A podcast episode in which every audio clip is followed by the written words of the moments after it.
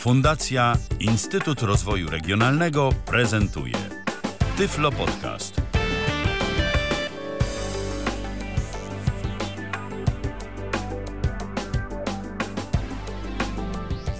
Dwie minuty po godzinie 19. Witam bardzo serdecznie w Tyflo Radiu.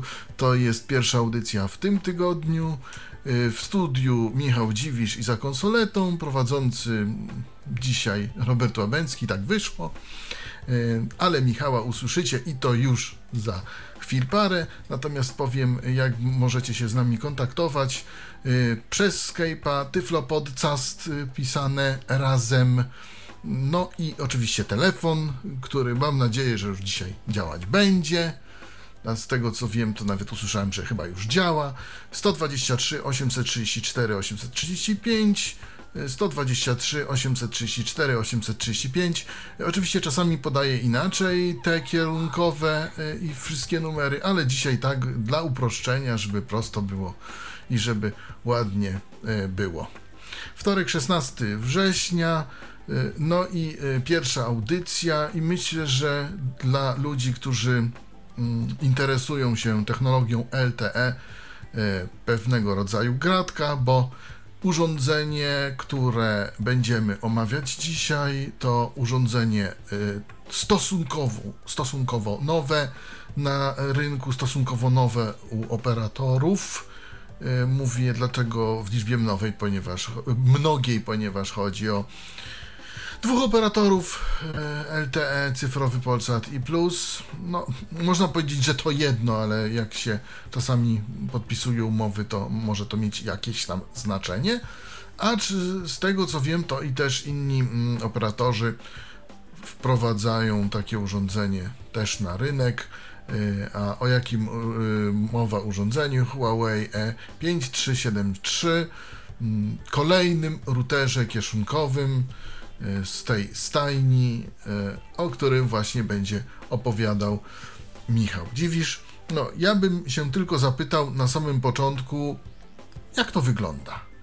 To ja na samym początku się przywitam z wszystkimi y, słuchaczami i słuchaczkami, albo słuchaczkami i słuchaczami Tyfloradia. Michał Dziwisz, kłaniam się bardzo nisko. Witam również y, ciebie, Robercie. Dziś trochę nam się role poodmieniały. Dziś to ty jesteś... No trochę, ale tak, prosiłeś, żeby ci było łat- łatwiej. tak, dziś to ty jesteś panem prowadzącym, a ja dziś jestem No, tak może. tak, gościem tego programu, y, więc... y, Nie tak do końca, ale no... No to tak wiesz, ja to, tak to, już, to, to już techniczne dywagacje my tu wprowadzamy, kolego. No, techniczne, dywagacje. ale jednak ja lubię być prawdziwy do Dobrze, końca. dobrze. E, A teraz słów kilka o tym urządzeniu, tak jak mnie prosiłeś, e, kilka słów na jego Jak temat, na temat wyglądu. Tak, to jest taka niewielkich rozmiarów kostka, jest to raczej prostokąt niż kwadrat i to tak zdecydowanie, bo on jest taki, taki wydłużony, E, więc ciężko to pomylić z kwadratem. To jest jak najbardziej prostokąt. O zaokrąglonych rogach to, to nie jest ja- raczej takie kań, kanciaste. E, Czyli opływowe, tak. tak, tak, tak. To jest Opływowe. opływowe i to mm, do tego stopnia opływowe, że powiedziałbym, że mm, jakby dół tego urządzenia jest taki zaokrąglony. To jest w ogóle takie, takie pudełeczko z takim zaokrąglonym dołem. A, no to rzeczywiście dosyć interesujące. Jeżeli chodzi Ale o ten. czy to jest wielkości, No, słucham, czy to słucham. jest wielkości paczki papierosów? Czy to jest troszkę większe od paczki Zadałeś mi papierosów? skomplikowane pytanie, ponieważ nie palę, ale mogę powiedzieć. Ja też, ale- ale, ale mogę powiedzieć tyle, że to jest wielkości mniej więcej takiego kieszonkowego, przenośnego odtwarzacza MP3. O, do tego byłbym, to, to bym porównał. Takiego, takiego, takiej MP3 mm, standardowej. Czyli to jest, e, na to wychodzi, to jest strasznie małe. No to nie jest duże. To, to znaczy, ja mam na myśli takie MP3, yy, niekoniecznie może iPoda na przykład, tego, tego a- iPoda Shuffle, bo to jest w ogóle maleństwo, ale takie na przykład MP3 pokroju Creative'a i, i podobne. To, to, to jest takie pudełko, które nam się spokojnie zmieści w dłoni. O tak powiem. Zmieści nam się to w dłoni. Ale czy to jest wielkości dłoni e, z palcami, czy dłoni bez palców? O, nie, to jest, to jest wielkości, to jest, Robercie, wielkości dłoni na pewno bez palców. Na pewno bez palców. Aha. Tak. No, czyli jednak urządzenie znacznie mniejsze od y, urządzeń, które do tej pory omawialiśmy. Omawialiśmy Huawei E5776 i Alcatela X, y, Y800, Alcatel Y800. E, I to już jest e, urządzenie dużo, dużo mniejsze. Dobrze, i co dalej można o nim powiedzieć? Bo co mamy, nie wiem, na górze, na dole, na, na tylnych ściankach? Już Może, mówię. znaczy, czy to jest grube? Nie, moim zdaniem to nie jest grube. To jest, y, to jest grube na grubość, bo ja wiem. Mm, Teraz tak próbuję do czegoś to przyrównać. Wiesz co, kładę obok tego routera iPhone'a, iPhone'a 5. To powiem ci, że to jest no troszeczkę, może troszeczkę grubsze niż y, iPhone 5, ale niewiele grubsze. Czyli y, też mamy tutaj do czynienia z czymś, y, że tak powiem, Tak, to jest urządzenie, też jak, nowym. Robercie, tak jak powiedziałeś, to jest router kieszonkowy i on naprawdę do kieszeni się spokojnie mieści. To, tak, tylko że u Huawei E5776 też jest powiedziane, że jest e, routerem kieszonkowym jak Alcatel Y800, o której mówiliśmy. Też jest powiedziane, że to są routery kieszonkowe. Natomiast jak widać e, i e, te poprzednie urządzenia są i grubsze od tego, i większe od tego. Ja przypomnę, że ten Alcatel to taki duży baton, jak to kiedyś po- porównałem do batona XXL no, muszę tu zareklamować, ale Prince Polo, bo to najprościej można sobie tak określić, tak? A Huawei, no to taka dłoń męska i to tak, no, z połową palców, że tak powiem, coś większego troszeczkę. No to Ten nie, to E5, tu, to tu, 776, to tu jest muszę powiedzieć, że jest mniejszy. Mniejszy, i taki naprawdę to jest, to jest takie zgrabne urządzenie, ja bym powiedział. Takie, y, jak bierzesz to w dłoń, to, to, to jest dosyć przyjemne nawet w dotyku, takie, takie dosyć fajne, estetyczne. To jest plastik, ale to jest taki plastik, y, który jak bierzesz to w dłoń, to nie masz wrażenia, że to się za moment rozleci albo coś tego typu. Y, Powiedziałbym jeszcze, że ta klapka, mm, bo o klapce nic nie powiedziałem, y, jest jakby cała spodnia część tego routera jest zdejmowana. W jednym z rogów jest takie mm, wyżłobienie i tam można włożyć paznokieć i po prostu tę klapkę zdjąć. Ten, ten spód cały nam odchodzi wtedy. Czy na tym routerze są jakieś e, nóżki antypoślizgowe? Nie, nie, nie ma żadnych, nie ma żadnych nóżek, y, nic takiego nie ma. Za to jest jeden Gumy przycisk. też nie przylepili. Nie, nie, nie, nic nie, nic nie przylepili, nic, nic się nie znajduje. Z takich elementów jakby, które są charakterystyczne dla tego routera, to mogę powiedzieć o kilku, mm, mianowicie o tym, że mamy, mm, ja w tym momencie ten router z przyczyn takich y, tu technicznych y, mam w tym momencie umieszczony na, y, jakby na, on twarzą do dołu, że tak powiem, leży na stole, bo mi tak No kabli starcza. E, A y, co, co jest charakterystyczne? Na jednej ze ścianek y, tego routera mamy mm, port USB i na tej samej ściance tego routera, Port y, mini, mikro? mm, wiesz co, to jest, y, mm, to jest port mikro USB, mikro albo mini. Teraz dobre pytanie zadałeś, aż muszę sprawdzić. Y, Ten port z takimi dwoma jakby bolcami to jest który? Pamiętasz może? Z tak, To chyba taki cieniutki. tak, taki cieniutki. Blaszka. Taki cieniutki. To mikro. No więc, mikro. ale nie ma to, ja bym powiedział tak, nie ma to jakiegoś specjalnie dużego znaczenia yy, z tej przyczyny, że dostajemy, że dostajemy po prostu kabel w komplecie, więc nie musimy nic tu kompletować. Długi? Nie.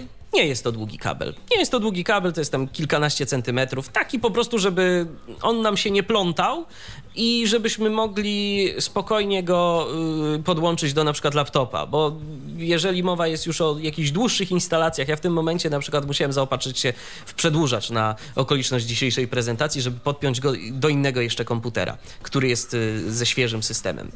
Czyli też różnica w przypadku poprzednich urządzeń, kable dostarczane były kablami, no przynajmniej spokojnie metrowej długości. Nie, nie, Tutaj- tu nie. Tu, tu wszystko poszło w miniaturyzację, także ten kabel nie jest zbyt długi, więc y, w tym przypadku no po prostu mamy mm, co najwyżej możliwość podłączenia albo do komputera stacjonarnego, ale to wtedy już jakby ten router musimy położyć na tym komputerze. Nie ma takiej opcji, żeby router stał gdzie indziej, a y, komputer stał gdzie A, no indziej. Nie, nie ma takiej możliwości, właśnie. trzeba się zaopatrzyć w jakąś przedłużkę wtedy. Y, W komplecie. No, albo inny kabel. tak, albo, albo w inny Z kabel. prawdziwego zdarzenia. Dokładnie. No cóż, Następna rzecz. oszczędzamy jak możemy. Oszczędzamy, oczywiście, oszczędzamy. Tym bardziej, że to jest no, produkt na masową skalę mm, tworzony. Y, Następna rzecz, która jest w tym routerze charakterystyczna, to na tej samej ściance, gdzie jest y, gniazdko USB, mamy taką klapkę. I ta klapka, powiem szczerze, ona jest irytująca trochę. Y, Bo ona, y, no, żeby ją, żeby ją otworzyć, to trzeba też użyć jakiegoś paznokcia na przykład.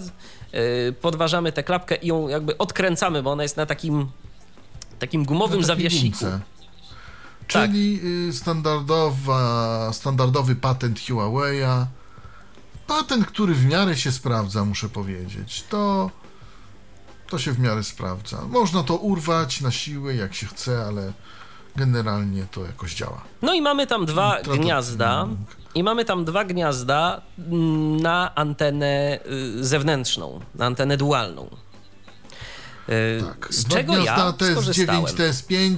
TS5, z E, tego, co, z tego, co, z tego co TS5. wyczytałem, to TS5, bo też miałem z tym problem i na razie, i na razie mam podłączone tam TS9, które też działają, tylko trzeba, tylko one tak działają trochę na siłę, e, że tak, tak, powiem. bo one są po prostu luźne. Tak, one są po prostu One luźne. są po prostu luźne, ale e, nie wiem, e, powiem, nie wiem dlaczego Huawei przeszedł e, i przechodzi cały czas na TS5.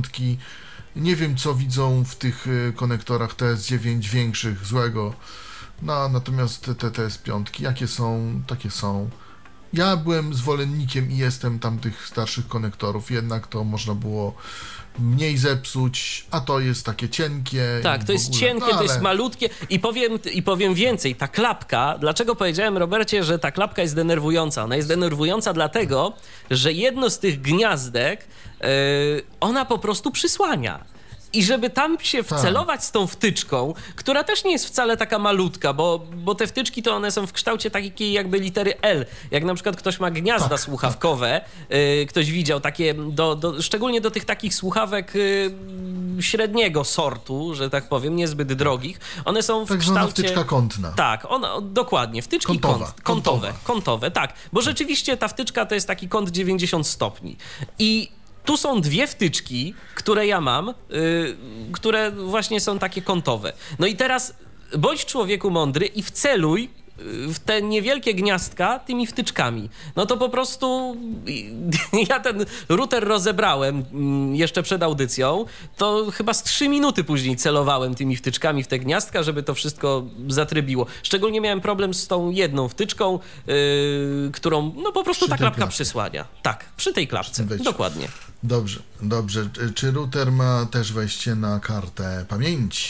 Y, Ma wejście na kartę pamięci, jednak ja tego nie sprawdzałem. Z tego co. y, To na pewno nie jest na kartę taką standardową, na kartę SD. Tam musi być mikro, mikro SD. Mikro, mikro. Tak, E, te jest wejście. Jest wejście, no, zarówno na mikro. wejście na kartę SIM, y, jak i na kartę y, microSD. One są schowane pod baterią, bo bateria nam jakby wypełnia całe urządzenie. A no właśnie, bo zaraz o tym będziemy mówić. Na routerze też, jak powiedziałeś, jest przycisk. Przycisk pewnie do włączania i wyłączania urządzenia. Dokładnie, dokładnie. Czy ci tam e, power, albo inaczej jak tam zwał, standby, nie wiem. Mamy też wyświetlacz. e, Z tego co powiedziałeś, nie do końca. e, mm, Znaczy czytelny, ale nie wypełniający całego urządzenia. No mi jest Dlaczego ciężko. o tym mówię? Ponieważ w Huawei'u, e, Huawei 5776 wi- wyświetlacz wypełnia praktycznie całe urządzenie. E, Ja cały czas nawiązuję, dlatego że no, chcemy jakieś e, różnice też tutaj wypuklić tych dwóch urządzeń. Czy w Huawei'u jest duży wyświetlacz, na którym wszystko widać? Tutaj mamy malutki wyświetlacz, który, e, który pokazuje tylko główne, e, główne jakby główne zasady urządzenia, jak działa, czy działa. E, I, I to wszystko. I to jest może też dobre z jednej strony, ponieważ jak wiesz, z Huawei'a nie wyczytamy zasięgu na przykład. Musimy użyć Topnet Info tego programu, żeby to zrobić. Tutaj będzie inaczej, o, o, o czym powiesz później troszkę. Dokładnie. Powiem, powiem o tym nieco później, to znaczy ja chciałem zastrzec od razu, że ja nawet tak na dobrą sprawę nie wiem, jak ten wyświetlacz y, jest duży, ale mogę powiedzieć tyle, co, tyle, co czuję, jakby mm, dotykając tego, tego routera. Y, obok przycisku włączającego, który jest taką, takim po prostu kwadracikiem, mm, takim na palec, mniej więcej, na opuszek palca, mamy taką gładką, taki gładki pasek na tym routerze, bo y, cała reszta tej górnej y, ścianki to jest taki jakby, no to jest takie bardziej chropowate a obok tego przycisku włączającego jest taki kawałek gładkiego, takiej, takiej, takiej gładkiej szybki, ja bym to powiedział, plastikowej. No tak, i to, I to prawdopodobnie jest wyświetlacz. wyświetlacz. Być może jeszcze coś się wyświetla, są jeszcze jakieś kontrolki e, na y, górnej ściance tego urządzenia, jako jakieś lampki albo podobne rzeczy, ale ja po prostu tego nie jestem w stanie wyczuć. Więc y, mogę hmm. powiedzieć tylko tyle, y, że jakiś tam pasek jest i prawdopodobnie właśnie tam wyświetlają się różne informacje diagnostyczne. E, tak, nie tylko i ja wiem tutaj z prospektu, że też są kontrolki, e, też nie wiem ile ich jest, e, być może jest jedna lub dwie, bo one tam odpowiednio migoczą, jak jest połączony tak, to takie migotanie albo takie, ale z racji tego, że to Tyflo Podcast dla osób niewidomych, nie będziemy się zajmować jak ma co migotać, bo to, no bo to chyba nie, nie o to chodzi, jak ktoś chce dowiedzieć się, jak ma co migotać i świecić. Polecamy instrukcję obsługi, tam na pewno jest to wyjaśnione. No ja jeszcze a propos instrukcji obsługi, podcasty. Robercie, to chciałbym dodać, że e, instrukcja obsługi, którą można sobie wygooglać, e, to jest e, bardzo mizerna instrukcja obsługi. Tam e, większość tej instrukcji zajmuje opis tego, czego z urządzeniem nie należy robić. To są te wszystkie reguły FCC i, i podobne, mm, dotyczące tego, jak się z urządzeniem należy obchodzić. Na przykład, no nie wiem, że nie należy mm, dawać tego urządzenia do gryzienia zwierzętom albo dzieciom. Tak. Albo, że nie należy trzymać go, nie należy trzymać go w odległości bliższej niż 15 cm od rozrusznika serca i podobne rzeczy. Natomiast, żeby nie tam się... Nie należy go wrzucać do gorącej wody. Do Chociażby, tak, tak. I baterii na przykład nie należy też gryźć albo przedziurawiać tej baterii. I podobne rzeczy. I to zajmuje większość tej instrukcji. Natomiast jeżeli ktoś chciałby się dowiedzieć dokładnie, y, do czego są poszczególne opcje, to tak naprawdę zostaje z niczym, szczerze powiedziawszy, w tej instrukcji, którą ja y, znalazłem i którą wyczytałem. No tak, no to jest tak zwany Quick Start Guide, nie, nie ma czegoś więcej. No cóż, takie teraz życie jest. Ja powiem tylko dygresję strzelę, że ostatnio y, dostałem, znaczy dostałem w kontrakcie, tak, telefon komórkowy. -huh. y, tak samo instrukcja Quick Start Guide na papierku Natomiast y, do ściągnięcia instrukcja niby pełna, a jest tak niedokładna, y, jest tak nieprecyzyjna, że po prostu nic innego nie pozostało. Nie, nie mówię, że jest niedostępna, jest dostępna, jest czytelna, ale jest tak nieprecyzyjna, jest tak niepewna. No i tam w tej instrukcji rzeczy, aż... było napisane, że telefon nie jest y, przeznaczony do obsługi przez niewidomych, o, tak? Oczywiście, jak najbardziej. Przez osoby niewidome nie jest przeznaczony, tak a na telefonie działa TalkBack i działa. No, ale to o, o, telefonie kiedy indziej, ale też o nim będzie, bo myślę, że telefon jest warte omówienia, a y, namieszali tam równo, ale dzięki może naszemu podcastowi uda się coś naprostować. Ale to teraz o czym innym, o 5373 Huawei LTE. Y, czy już żeśmy opisali go w całości, czy coś jeszcze warto nadmienić? Bo chyba nic poza przyciskiem power na górze, szybką wyświetlacza i paroma kontrolkami, tudzież jedną, dwoma, nie wiem, y, musiałbym tutaj spojrzeć. Chyba nie ma i na bocznych ściankach poza, poza portem USB i, i y, gniazdami anteny zewnętrznej Chyba nie ma. E, nie, nie ma, żadnych, nie ma żadnych informacji, natomiast y, mamy pierwsze pytanie. Pytanie od Andrzeja. Y, tak trochę nie do końca związane z tematem, ale na pewno związane z internetem i z, i z antenami.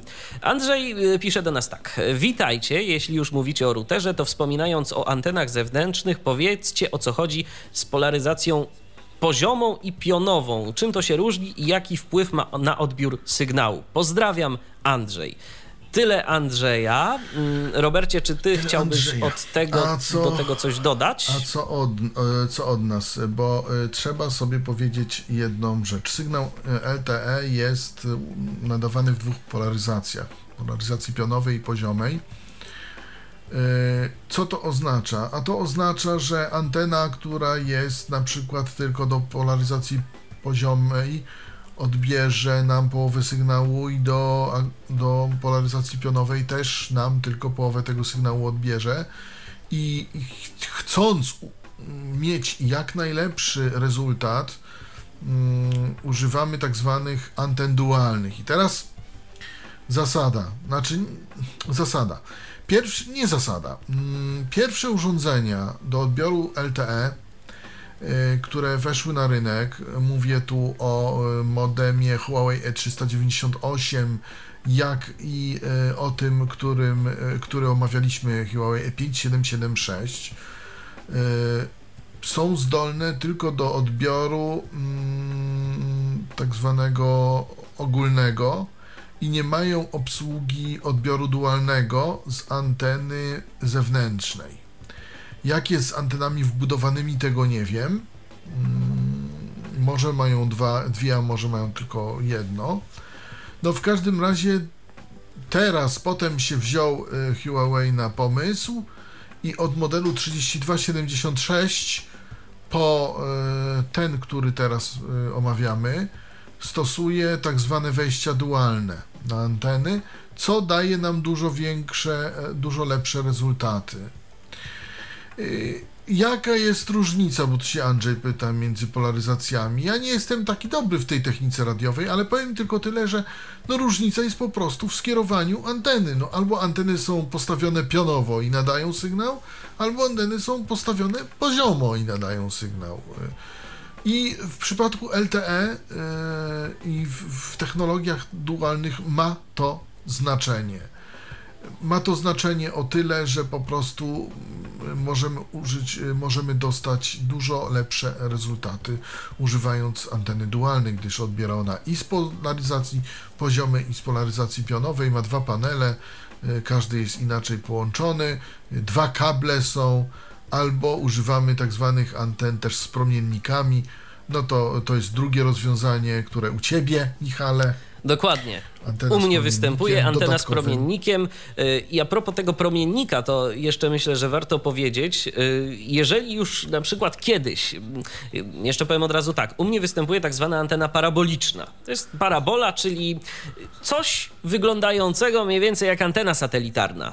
To jest dosyć podobne rozwiązanie, dosyć podobnie to wygląda. Natomiast właśnie do tej anteny dokręca się taką puszkę. Do tej anteny dokręca się puszkę, która się właśnie nazywa promiennik. I mm, ja wcześniej miałem y, taką, taki promiennik y, do odbioru sygnału 3G, a w tym momencie, kiedy zainwestowałem w urządzenie y, LTE, które ma to wejście na antenę dualną, no to trzeba było wymienić promiennik. I teraz Mm, wymiana promiennika nie niesie za sobą y, potrzeby wymiany anteny, Natomiast no, ten promiennik swoje kosztuje i wiadomo jeszcze tam dodatkowe okablowanie i tak dalej, więc to tam w granicach 100 zł, no może troszkę więcej. To wszystko się zamknęło. Yy, kolejna sprawa, a propos ustawienia tej anteny, to tę antenę, jeszcze też właśnie to jest myślę, że ważna rzecz, można regulować zarówno w pionie, jak i w poziomie. Można ją pochylać i można ją też obracać. I y, to jest też istotne, żeby odpowiednio jakby wycelować w ten nadajnik, zarówno ustawiając ją w pionie, jak i ustawiając ją w poziomie. I w tym momencie, kiedy uzyskamy najlepszy sygnał, no to dostajemy jak najlepszy efekt y, z tej, z tej anteny. Dokładnie, do, dodajmy to, że jest to antena zewnętrzna, tak. ta, której używasz, tak. i jest to antena na balkon. Nie czy na każdą, balkon, czy na e, maszt, czy, czy, czy gdzieś na tam. maszt, bo czy na to, to nie jest taka antena, którą możemy sobie postawić w domu, y, gdziekolwiek i będziemy mm, z niej zadowoleni, bo to jest po prostu no talerz satelitarny taki. To Dokładnie. Aczkolwiek anteny dualne pokojowe też są, aczkolwiek też trochę kosztują, też są, wyglądają w kształcie trójkąta najczęściej lub kwadratu, takiego sześcian, mm, prostopadłościanu. E, I, I można kupić, które są lepsze, nie wiem, nie testowałem. Nie mam w tej chwili urządzenia z wyjściem dualnym. E, te, te, te urządzenia też swoje kosztują i, i no niestety no, nie zawsze, że tak powiem, się da. Trzeba pewne inwestycje, że tak powiem, ponieść, żeby one się potem zaczęły zwracać. No a ja mogę powiedzieć Yy, jeszcze a propos, tych, a propos tych anten i a propos tego, że zysk naprawdę jest duży, jeżeli sobie zainwestujemy w dobrą antenę i e, odpowiednio ją ustawimy, bo to też jest istotne, bo sam zakup anteny to nam tak naprawdę może. Ja powiem więcej. Sam zakup anteny i nieumiejętne jej ustawienie to nam tak naprawdę może tylko zaszkodzić. Dokładnie. Jeżeli Oczywiście. źle ustawimy antenę, szczególnie taką właśnie paraboliczną, która jest anteną kierunkową, to musimy naprawdę ustawić ją w miarę precyzyjnie. Bo jeżeli mm, ustawimy ją źle, no to w tym momencie zaczyna nam, zaczynają nam się dziać cuda. Sygnał routera, sygnał y, LTE m, na przykład może pojawić się w miarę lepszy, ale przy ustawieniu tych anten nie możemy zadowolić się sygnałem lepszym, musimy się zadowolić sygnałem jak najlepszym. Bo jeżeli, ja powiem tak, jeżeli będziemy mieć sygnał lepszy od tego, co mamy bez anteny, ale nie będzie to ten sygnał najlepszy, to parametry transmisji, parametry wysyłu i parametry odbioru będą gorsze. To jest taki paradoks, na który należy bacznie zwracać uwagę. Przynajmniej w moim przypadku tak było. Ja bym powiedział, to jest tak zwane przesterowanie sygnału y, albo coś w tym stylu. Y, na czym to mniej więcej polega? Jeżeli mamy na przykład, y, załóżmy, y, bez anteny zasięg minus 83 dB, z anteną mamy zasięg taką źle ustawioną, załóżmy minus 81, tylko że tak naprawdę przy tych minus 83 mamy lepsze działanie routera niż przy tych minus 81. Czym to się objawia? Objawia się pingami, objawia się szybkością transmisji z i na serwer. Oczywiście wiadomo, że serwer musi mieć jakiś taki w miarę szybszy. tak, i musi, musi dobrze Sensowny. działać. I ja też miałem taką sytuację, gdzie mam dwie anteny, yy, dwie anteny pokojowe dodam, bo nie, nie, nie można tutaj z racji lokalowych mm, tutaj zamontować żadnej anteny i mam antenę, która mi działa przy minus, y, ma, ma, osiąga minus 77 dBm, to jest 54% zasięgu, jeśli nie mylę. Ym, I yy, w tym momencie działa to tak jak działa, a mam antenę, która mi wskazuje po, po podłączeniu minus 73. Mam nadzieję, że nie, pom- nie pomyliłem. Pierwsza minus 77, druga minus 73, czyli jednak różnica. A ta minus 73 działa gorzej niż ta minus 77. Okazuje się, że to po prostu ta druga przesterowuje sygnał. Mam więcej decybeli, ale działa to wszystko gorzej. Y, Widać to na y, transmisji między tym samym serwerem, e, na przykład na pierwszej antenie mam 5,5 e, Mbps transmisji, e, 5,6, a na tej drugiej tylko mm, 4,8, 4,6, pomimo tego, że decybeli jest e, mniej, znaczy decybeli jest więcej, znaczy no mniej, no lepsza jest, e, lepszy jest zasięg teoretycznie. Ja bym powiedział jeszcze, że warto zwrócić też uwagę na to, żeby wybierać antenę według potrzeb, bo jeżeli y, będziemy korzystać z nieodpowiedniej anteny w naszym środowisku, no to y, po prostu ten sygnał rzeczywiście może być gorszy. I to są, to są, takie, i to są takie sytuacje, na przykład y, paradoksalnie, to jest w ogóle śmieszna sytuacja. Ja mam w swoim pobliżu nadajnik plusa, bo akurat skorzystam z oferty plusa y, LTE i mam w pobliżu nadajnik, tylko że ten nadajnik niestety jest schowany za y, moim blokiem. Ja po prostu nie jestem do niego odwrócony, że tak powiem, frontem. I ja tą antenę mam skierowaną na nadajnik, który jest zupełnie w innym miejscu, który jest w centrum miasta, no czyli powiedzmy jakieś, nie wiem, ze dwa kilometry ode mnie.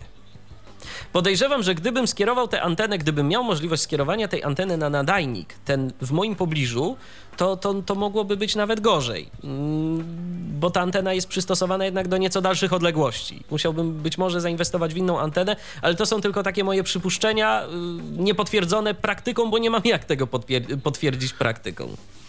Natomiast powiem, powiem Ci tylko tyle, że gdybyś miał antenę z właściwej strony budynku, prawdopodobnie ten nadajnik z właściwej strony budynku, prawdopodobnie nie potrzebowałbyś w ogóle anteny zewnętrznej. To jest inna sprawa. To jest inna sprawa. Mamy, je, no mamy pytanie, mamy pytanie kolejne od Eweliny. Ewelina pyta mm, e, o to, ile ten router kosztuje. Powiem tak, na rynku y, jak sprawdzałem, mm, bo y, możemy router dostać w kontrakcie albo na rynku, na wolnym rynku. I y, jak sprawdzałem, powiem tak, router nie jest drogi na wolnym rynku. Kosztuje w granicach od 170 do 230 zł. To jest niewiele. Na wolne, w kontraktach można to mieć za 3 zł, można to mieć za złotówkę, można to mieć bezpłatnie, różnie w zależności od operatora. Natomiast to mogę powiedzieć, nie jest ten router drogi, o, ilonio, o ironio na wolnym rynku. Mm, są routery droższe, te omawiane przez nas poprzednio, czyli zarówno i Alcatel i y, Huawei E5776 są droższe. Y, kieruje się, y, czym się kieruje? Kieruje się Allegrem, i kieruje się Ceneo, mm, bo tam sprawdzałem. Może gdzieś są też inne ceny. E, powiem tak, są też ludzie, którzy chcą za ten router 1000 zł i 800 zł, bo takich też nie, brak, nie brakuje. No tym, tym niemniej e, kierowałem się jakimś środkiem. I taki środek to jest 230-160 zł. I tu jeszcze ważna informacja a propos tego routera, bo jeżeli ktoś chciałby kupować właśnie z jakichś portali aukcyjnych od osób prywatnych, a mm, jeżeli będzie to router z plusa, y, to mogę powiedzieć, że jeżeli będzie chciał korzystać z tego routera w innej sieci, to da się, bo te routery nie mają simloka. Y, ja, sprawdzałem, nie, ja sprawdzałem na Orange'u y, i bez problemu działa. Także spokojnie można, spokojnie można korzystać i można taki router wziąć, jeżeli on jest y, w plusie, bo po prostu plus, plus Powiem nie tak, daje Plus od 2009 roku nie simlokuje urządzeń, jak y, otrzymałem y, zapewnienie od pani konsultantki z działu obsługi klienta. Od 2009 roku nie są simlokowane w ogóle urządzenia z plusa. To tak, to tak tylko tyle, co, co, co ode mnie. Y, mamy y, router z grubsza. Y, teraz tak, co otrzymujemy w zestawie? Michale, jak to mniej więcej wygląda, jak to do nas przyjdzie? Tak otrzymujemy, więcej, otrzymujemy pudełeczko, w pudełeczku dostajemy router, kabel i baterię. I tak naprawdę o, to jest i tak naprawdę to jest tyle, co, co otrzymujemy. Na routerze jeszcze mogę powiedzieć, na routerze, na tym wyświetlaczu i na przycisku jest taka folia zabezpieczająca. Ja się tej folii akurat pozbyłem. Yy, dosyć, dosyć łatwy sposób, no ale to jest charakterystyczne dla większości urządzeń, yy, że coś no takiego No i pewnie jest. dostajemy troszkę papierków. Wiesz co, ja papierków, ja papierków dostałem, ale ja papierków to dostałem przede wszystkim yy, w ramach umowy z operatorem. To, to takie duże, ale mówię te, które są w pudełeczku z routerkiem. Jakoś nawet niespecjalnie dużo. Trochę tego jest, ale, ale, ale jakoś niespecjalnie dużo. Ja szczerze mówiąc na to uwagi nie zwróciłem. Prawdopodobnie bo... ten Quick Start Guide wydrukowany. Bo, bo przytłoczyło mnie szczerze mówiąc ilość papierów, jakie dostałem od operatora. To, to było kilkadziesiąt e, stron. To, to, to, tak, to jest olbrzymie. E, to się dużo więcej dostaje tego kurierem niż. E, Dokładnie. Umową, bo ja korzystałem z opcji właśnie kuriera. Mm, no właśnie. Ale jeszcze kolejna rzecz, powiedziałeś bateria. Tak. Czyli Dlaczego ja o tym mówię? Ponieważ w poprzednim modelu Huawei, który żeśmy omawiali, E5776, był akumulator wbudowany. Tutaj jednak pomyślano inaczej. Tu musi być jednak bateria, a nie akumulator wbudowany, co też ma y, może jakieś znaczenie. No choćby może nawet takie, że łatwiej baterię dostać chyba niż wymienić jakieś akumulatory wbudowane czy coś. Dokładnie i to jest moim zdaniem lepsza opcja. Natomiast sprawdziliśmy tak, jeszcze też przed tak Też tak sprawdziliśmy jeszcze przed audycją y, w momencie gdy podłączymy router do y, portu USB w komputerze, ale bateria będzie wyjęta, on nie chce działać. A no właśnie, czyli różnica w stosunku do Alcatela. Alcatel działa nam bez baterii, to nam bez baterii nie działa. No cóż, no ale takie życie. Y, Różnie urządzenia są robione i tak to urządzenie skonstruowano. Dobrze, y, czyli dostajemy baterię, dostajemy zestaw i teraz tak, y, na jaką kartę SIM jest to urządzenie? Najzwyklejszą standardową kartę SIM. To znaczy, żeby działało LTE, to, to oczywiście to musi być ta karta nowsza, USIM, ale to jest y, ten standardowy rozmiar karty SIM. Y, Nie, nie żadne mikro, nie żadne nano, najzwyklejsza y, karta SIM. Najzwyklejsza karta SIM, którą można źle włożyć, żeby urządzenie zadzia- zadziałało, czy Nie, Czy raczej jest, tego źle nie, raczej tego źle nie włożymy, natomiast ciężko jest ją wyjąć, to od razu mówię, E, ale włożyć jest ją e, raczej dosyć e, prosto i muszę powiedzieć, że możemy ją włożyć tylko w jeden sposób, dlatego że to wejście na kartę SIM jest takie charakterystyczne wycięte. Tam jest ten jeden róg tak y, ścięty, czyli tak jak wygląda y, karta SIM y, i bez problemu ją tam umieścimy. Nie pomylimy się. Tak samo baterię jesteśmy w stanie włożyć tylko w jeden sensowny sposób. W żaden inny. Karty pamięci nie próbowałeś, jak rozumiem. Karty pamięci nie próbowałem, bo nie mam żadnej pod ręką, natomiast ten router, z tego co wiem, ma taką możliwość i mm, wtedy, kiedy mamy tę kartę pamięci, możemy korzystać z niej jako takiego zewnętrznego dysku, powiedzmy na przykład. Co to dokładnie potrafi, nie wiem, bo no tak jak mówię, nie miałem okazji tego sprawdzić. Mm, Cały czas jest czynny nasz telefon 123 834 835 Tyflo Podcast net y, to jest y, Skype y, do dyspozycji. Można zadawać pytania. Dzisiaj omawiamy urządzenie Huawei E E5373 um, omówiliśmy go już chyba z wierzchu i w ogóle.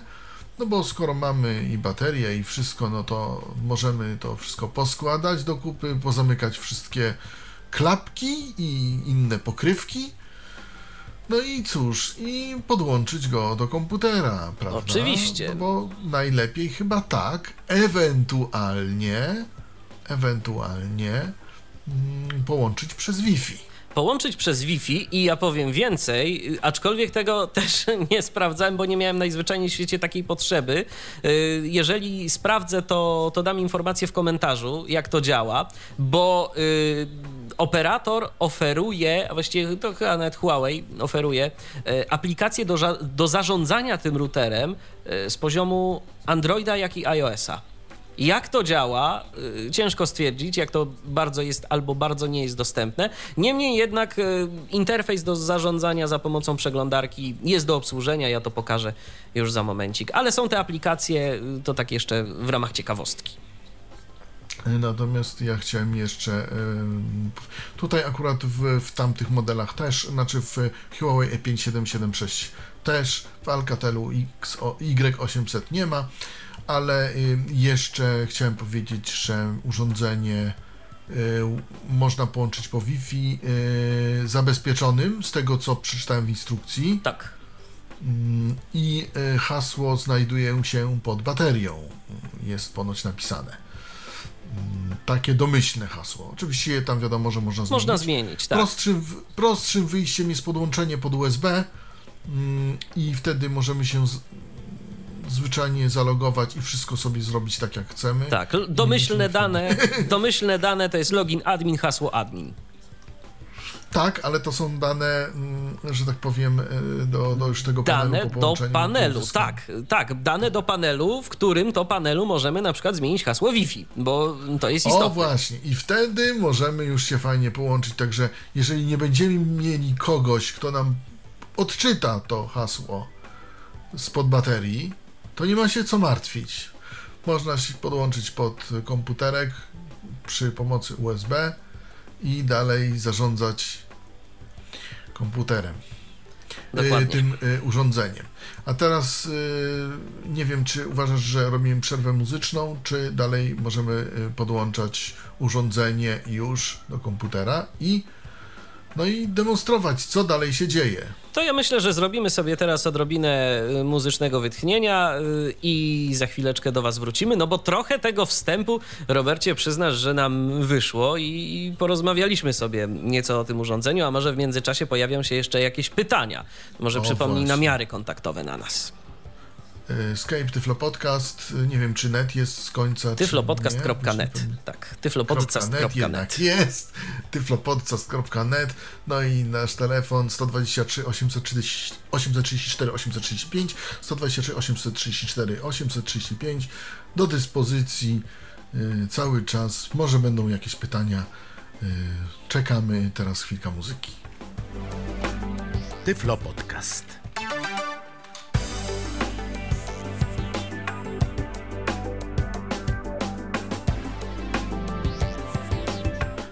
Czternaście minut do godziny 20 to jest Tyflo Radio i to jest omówienie urządzenia Huawei E E5373. Za konsoletą Michał Dziwisz, przed mikrofonem Robert Łabęcki i Michał Dziwisz też. Przed Też, mikrofonem. też, Dzisiaj tak oczywiście. nietypowo w ogóle. Oczywiście. W ogóle nasze namiary to tyflopodcast.net, już się chyba nauczyłem, to jest y, Skype, no a też y, telefon 12 albo 123 834 835, 123 834 835. Kiedyś inaczej podawałem ten numer. Kiedyś no, inaczej podawałeś i zawsze się zakręciłeś, więc może lepiej No właśnie, przyjąć tę no prostszą formę. Prostszą i dla nas, i dla słuchaczy. po- Tak, teraz będziemy podłączać y, y, router Huawei 5373 albo Huawei, albo Huawei, jak to chce. Jest jeszcze kolejna forma, ale nie będę jej używał na antenie publicznej.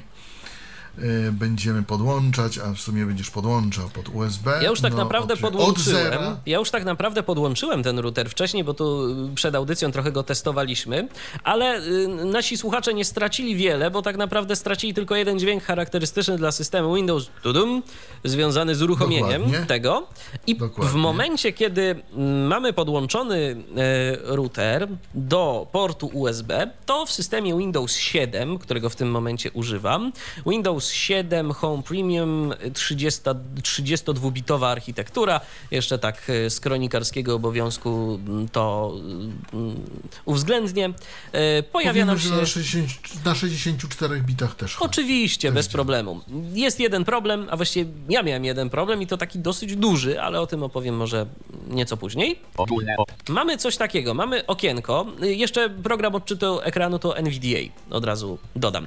Mamy okienko, auto odtwarzanie. auto odtwarzanie. Auto odtwarzanie. Charakterystyczne, standardowe y, w momencie, gdy podłączamy jakiś nośnik USB, a ten modem również jest widoczny jako pamięć USB, mamy następujące opcje. Przede wszystkim interesuje nas ta najwyżej. O, właśnie tu mamy. Zainstaluj lub uruchom program z nośnika grupa grupa rozwinięte, idziemy strzałką w dół. I to jest bardzo ważna rzecz. Uruchom autoran.exe.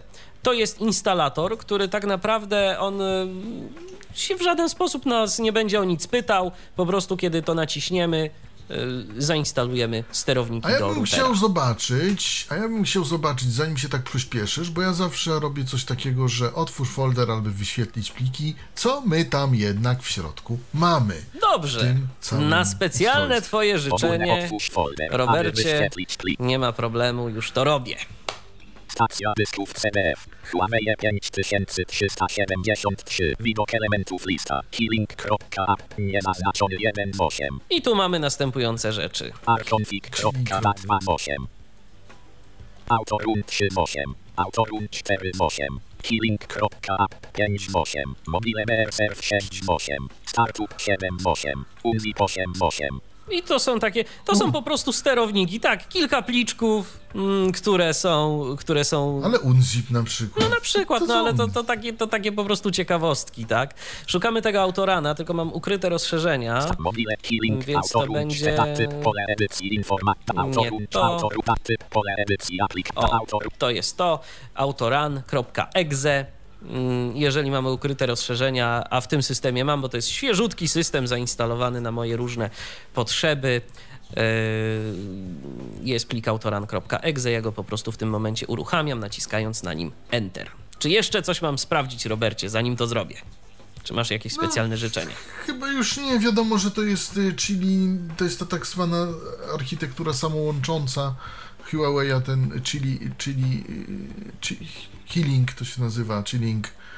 Y, To tak, to tak swoją drogą. Nie wiem, co to było unzip, ale y, nie wiem, do rozpakowania. Prawdopodobnie czy, czy tak, czego. to jest po prostu do wypakowania tych, y, tych archiwów. Dobrze, więc teraz naciskam Enter. I nie dzieje się nic. O, lista kosz 1 z 5 zaczyna się coś dziać. Usłyszeliśmy dźwięk systemowy, że jedno coś się odłączyło, coś innego się podłączyło. I teraz chwileczkę sobie czekamy i 192 168 81 slash version równe 22 001 23 00 1202 Internet Explorer HTTP slash slash No i właśnie, i wczytuje nam się Internet Explorer. Ja akurat mam tu zainstalowaną przeglądarkę Internet Explorer, z którą za pomocą programu NVDA e, ten panel jest do obsłużenia, żeby nie było. E, No i cóż, mamy mm, otwartą stronę internetową. Jej tytuł to Huawei 5373 Internet Explorer i teraz mm, Czyli to jest ta cała zarządzarka Adres tym całym. Strona Dokładnie. I teraz sobie możemy przejść po y, elementach tej strony. www.plus.pl Tak, widać, że to jest oczywiście brandowane przez, przez plusa. Odwiedzony link strona główna. Mamy stronę główną, Odwiedzony link diagnostyka. diagnostyka, Odwiedzony link SMS. SMS, Link krótkie kody. krótkie kody, Odwiedzony link ustawienia. ustawienia, Link karta SD. Karta SD, Link zarządzania aplik. zarządzanie aplik. Y, Zarządzanie aplik to od razu powiem, y, dzięki temu możemy sobie zainstalować aplikacje na iPhone'a i Androida. Lista rozwijana zwinięte polski. Tu mamy listę do wyboru języka, Link zaloguj. zaloguj, Link pomoc. pomoc, link inbox. SMS Inbox. Y, To jest link, dzięki któremu od razu przechodzimy sobie do skrzynki odbiorczej naszych SMS-ów.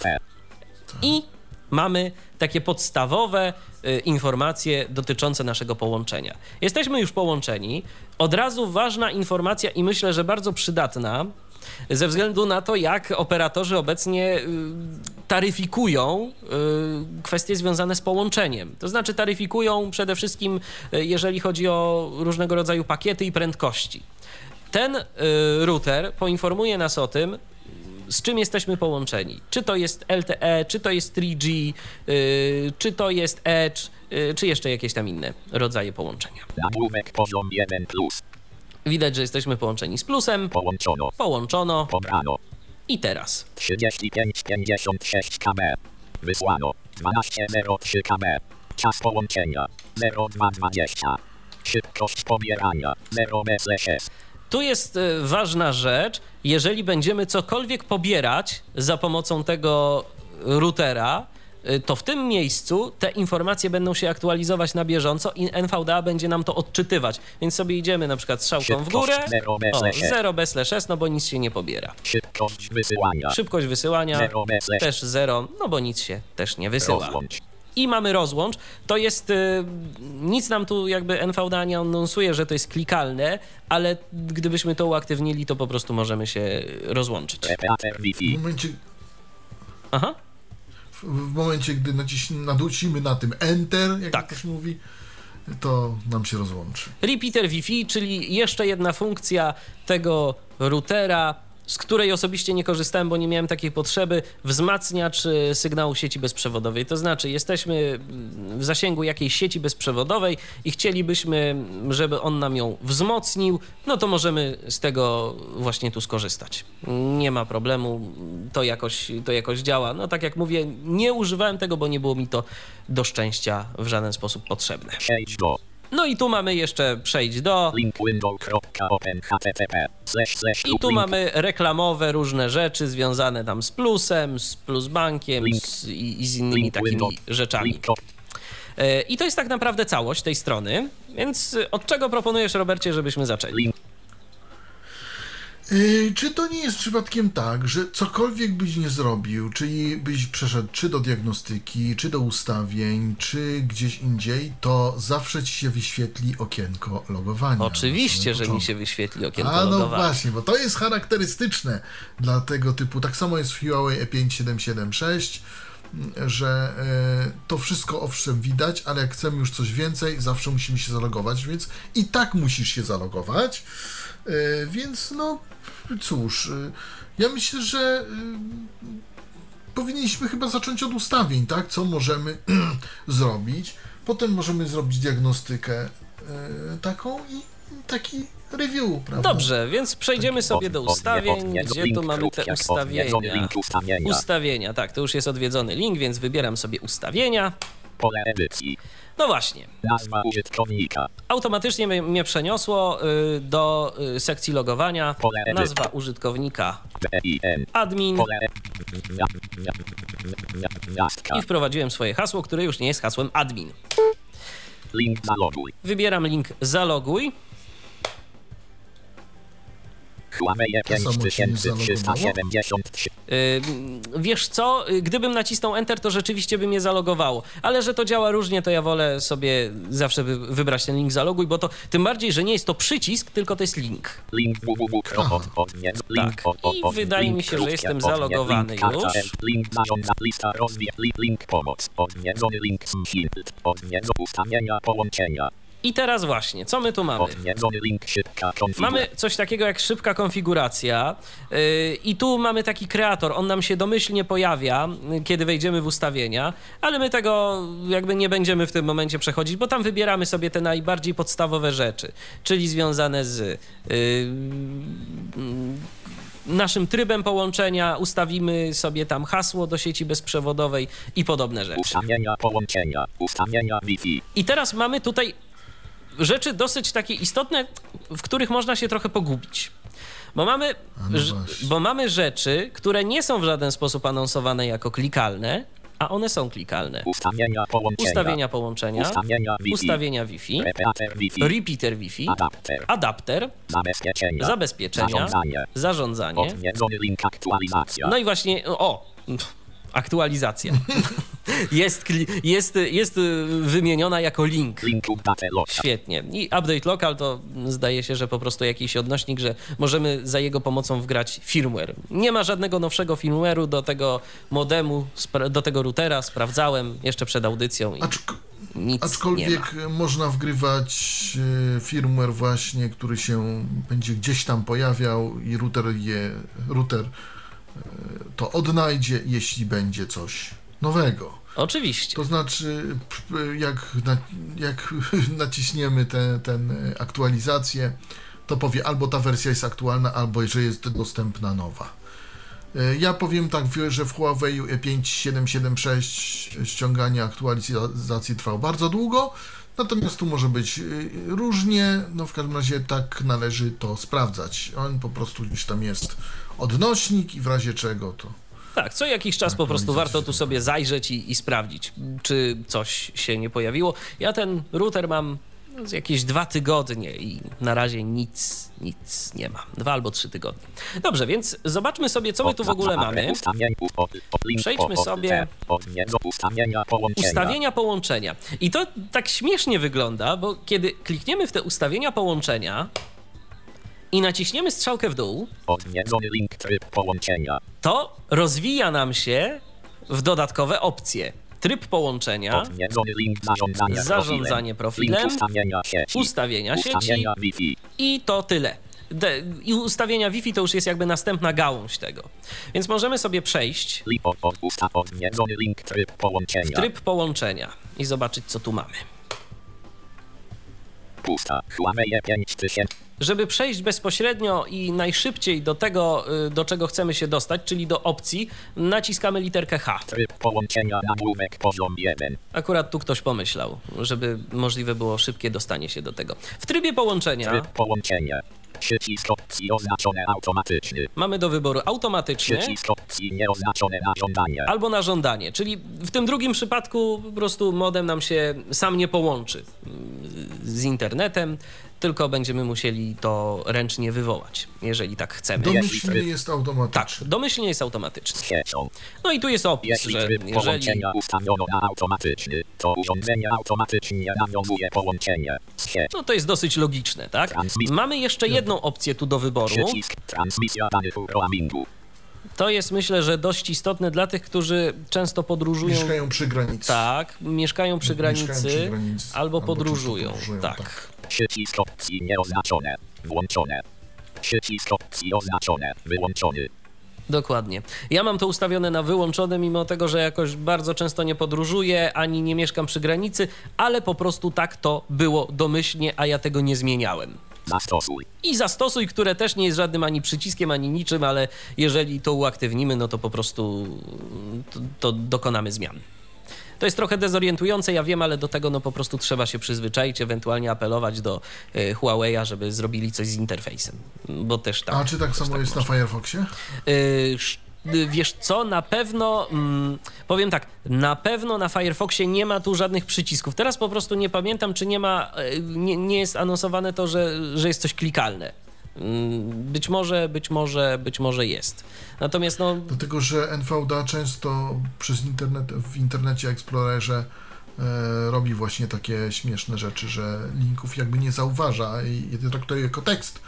I, e, I tak czasami właśnie. Oj, Robercie, ja ci, pow- ja ci powiem tak, że w, ostatnio w Internet Explorerze zawsze NVDA to taka jeszcze dygresja w ramach tej naszej dzisiejszej audycji. E, Ja tylko powiem, że minęła 20. Tak. Żeby nie było. Słuchajcie Tyfloradia. A ja powiem, że ostatnimi czasy, mimo tego, że NVDA zawsze był dla mnie takim symbolem programu, który z Internet Explorerem działa gorzej niż z Firefoxem, to już kilka stron miałem takich, które po prostu działają z y, Internet Explorerem pod NVDA lepiej niż y, pod Firefoxem. Od taka ciekawostka. Y, Ale to tak tylko na marginesie. To tak tylko na marginesie. Kolekcja zegarów Roberta się uaktywnia co jest. jakiś czas. Tak. Aktualizacja. Dobrze, więc teraz y, przejdźmy sobie mm, i zobaczmy, co tu mamy. To już było tryb połączenia. Zarządzanie profilem. Wchodzimy. Pusta. Huawei 5.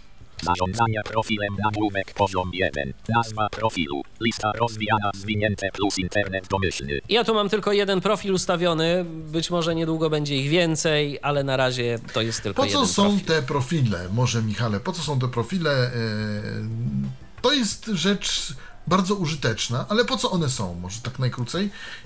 Nie wiem, czy będziesz mógł wyjaśnić. Jak nie, to ja się postaram. To może Robercie, z racji tego, że ja i tak dziś dużo mówię, to oddam ci głos. Profile są po to, żeby sobie móc e, zrobić połączenie, e, żeby można było szybko przełączać się między kilkoma połączeniami mm, w sieci mm, u operatora, między na przykład kilka, kilkoma APN-ami. Bo na przykład e, od pewnego momentu w sieci Plus można sobie wykupić e, połączenia otwarte, połączenia otwarte z IP dynamicznym, czyli zmieniającym się co jakiś czas, lub połączenia otwarte z IP statycznym. Kosztuje to odpowiednią tam sumę, w zależności od połączenia, ale o co chodzi? Chodzi o to, że każde z tych połączeń, każde z tych opcji, każda z tych opcji wymaga y, użycia innego, cho, choćby nawet innej, e, użycia innej nazwy APN albo innego APN. APN to jest tak zwany Access Protocol, Protocol e, Network, czyli to jest, to jest ten przekaźnik, z którym się łączymy do internetu. E, Nie wiem, czy dobrze ten e, skrót odszyfrowałem, żeby nie było. Mi to bardziej wygląda na Access Point Network, ale nie będę się kłócić. Tak, tak, może być Access Point Network, może być i tak. E, Proszę, proszę bardzo, ja, ja nie, nie mówię, że nie. I, ale w czym rzecz? Chodzi o to, że jeśli domyślnie wykupujemy taryfę, załóżmy u plusa, no bo akurat tutaj mamy z plusa, tak, te, te nasze urządzenia. Tak już wyszło. Ale to nie jest reklama, proszę Państwa, nie. Po prostu, po prostu tak mamy. I, I cóż zrobić? To łączymy się z APN-em internet.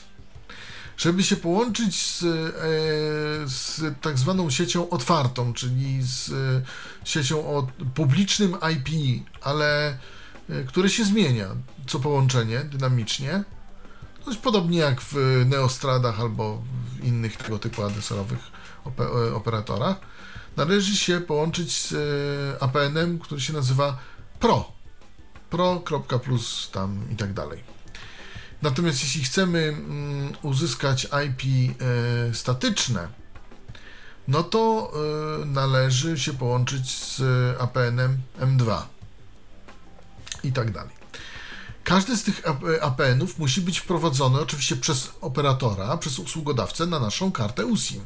Żeby nie było, to nie tak, że możemy sobie się przełączać, ale w momencie, gdy mamy wykupione już te usługi, to możemy zrobić sobie tak jak teraz masz domyślny profil plus internet, możemy sobie następny profil utworzyć y, plus internet, y, nie wiem, dynamiczny i następny na przykład plus internet IP publiczne albo plus internet publiczny.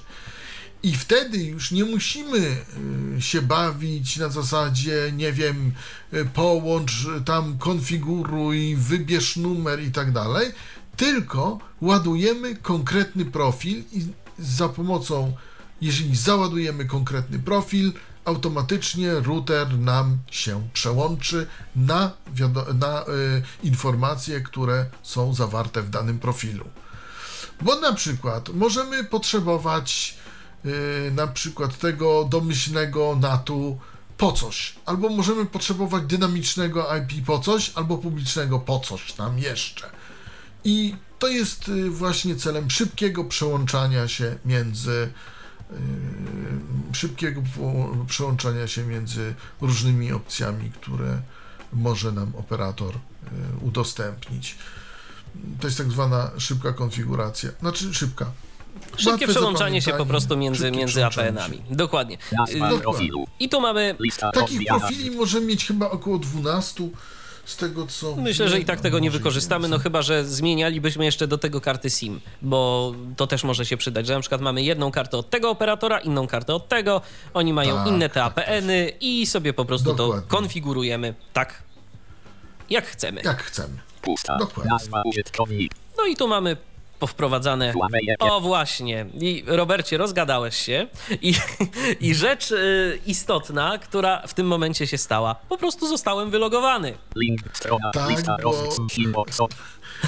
Sesja trwa i Sesja trwa, tak, dokładnie. W E5776 trwa to pół godziny, tutaj chyba krócej. Tu jest krócej, A zdecydowanie wiem, krócej. Czy nie możesz tego gdzieś zmienić? Być może do tego dojdziemy w tej naszej dzisiejszej prezentacji, więc teraz e, wchodzę sobie w ustawienia i znowu będę się logował. Logował, tak. Zaloguj pusta. Dokładnie. Tak, jesteśmy zalogowani, więc musimy, trochę nas tu jakby router sam nam nakazuje się trochę sprężać. Sprężać, tak. Więc już wchodzimy w ustawienia połączenia. Zarządzanie profilem, tu byliśmy, więc ja to jeszcze tak szybciutko tylko pokażę, co my tu mamy. Mamy zarządzanie profilem, nazwa profilu. I tu mamy niedostępne. Niedostępne, dlatego że jakby to jest już wpisane. Hasło, APN.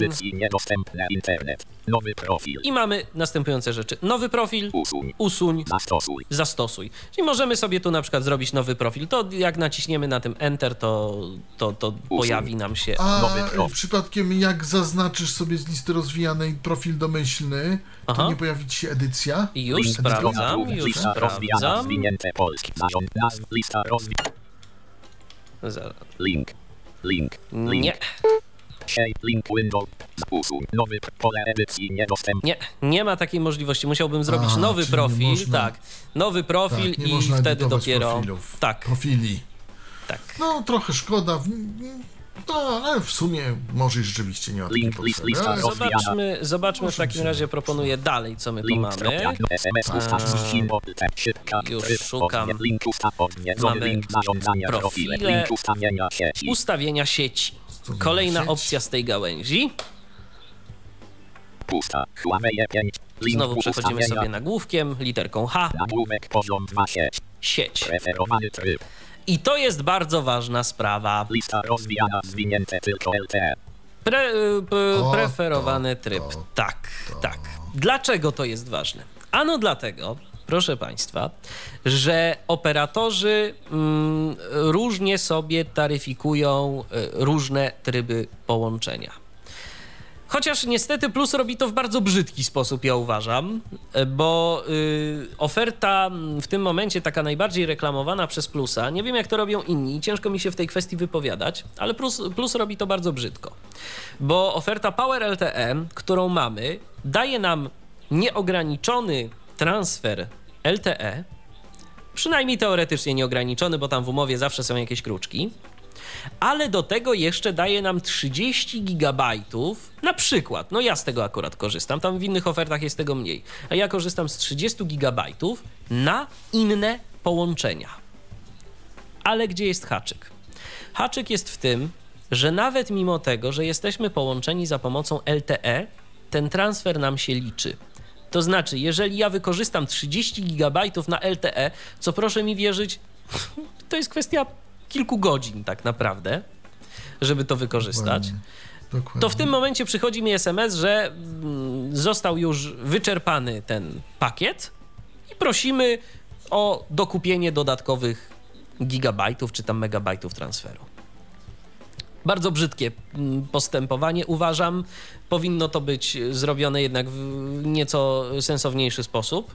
y, Bo po prostu no, w tym momencie, kiedy ja jestem stacjonarnie podłączony pod, pod internet LTE, no to ja chciałbym korzystać sobie z tego LTE w nieograniczonej ofercie, no, do czego mam prawo, tak? Natomiast jeżeli y, ja jestem gdzieś poza domem, gdzie wiadomo to LTE nie ma jeszcze wszędzie pokrycia, no to chciałbym móc skorzystać sobie na przykład z 3G albo, albo z jakichś innych parametrów, a to ja oczywiście z jakichś innych środków łączności oczywiście jest to możliwe, tylko działa to strasznie wolno w tym momencie, bo jest to obcinane Znaczy sztucznie. powinni dawać wybór, y, kiedy można jakby wykorzystać ten pakiet Tak, dokładnie, dokładnie. Powinno to. Ale nie dają tego Nie wyboru. dają tego wyboru.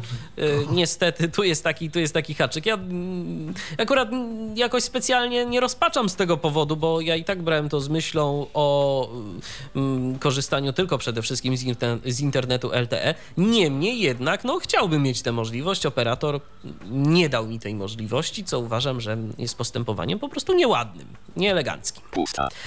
Lista rozwijana jakie tu mamy tryby? Tylko, tylko SPA plus UMS. Tylko Edge. Auto. Właśnie. Tylko LTE. Takie są opcje. Na samym dole listy, jak naciśniemy sobie End, na tej liście mamy tylko E. LTE. Pusta. Jeśli nie znasz typu sieci, proszę wybrać opcję auto. I mamy tu jeszcze jedna rzecz, sieci. wyszukiwanie sieci. Lista rozwijana To można śmiało auto. pozostawić na auto. Pusta. Zastosuj. I to jest wszystko w tym miejscu. Lista, list, lista. Teraz sobie przejdziemy. Czyli to jest też tutaj różnica. y, W tamtych modelach nie mieliśmy wyszukiwania sieci, po prostu router brał to z karty SIM, tutaj inaczej to zrobił. Dokładnie. Już teraz szukam następnej. Co my tu mamy? To już jest wszystko w grupie ustawienia połączenia. Więc ja naciskam Enter na tym ustawienia połączenia i sobie to zwijam. Ustawienia Wi-Fi. Teraz przechodzimy dalej. Ustawienia Wi-Fi. Link podstawowe ust. Wi-Fi. Link zaawansowane ust. Wi-Fi. Link filtr MAC. Link WPS. Link DHCP. Repeater Wi-Fi. Takie opcje. Link, podstawowe Przechodzimy link sobie ust. Do pierwszej mm, opcji, czyli podstawowe ustawienia Wi-Fi albo Wi-Fi, jak kto woli. Pusta. Huawei 5373. No to Podstawowe ust. Wi-Fi nagłówek poziom 1. Nie można używać WPS, jeżeli wybrano tryb zabezpieczeń WP. Pusta.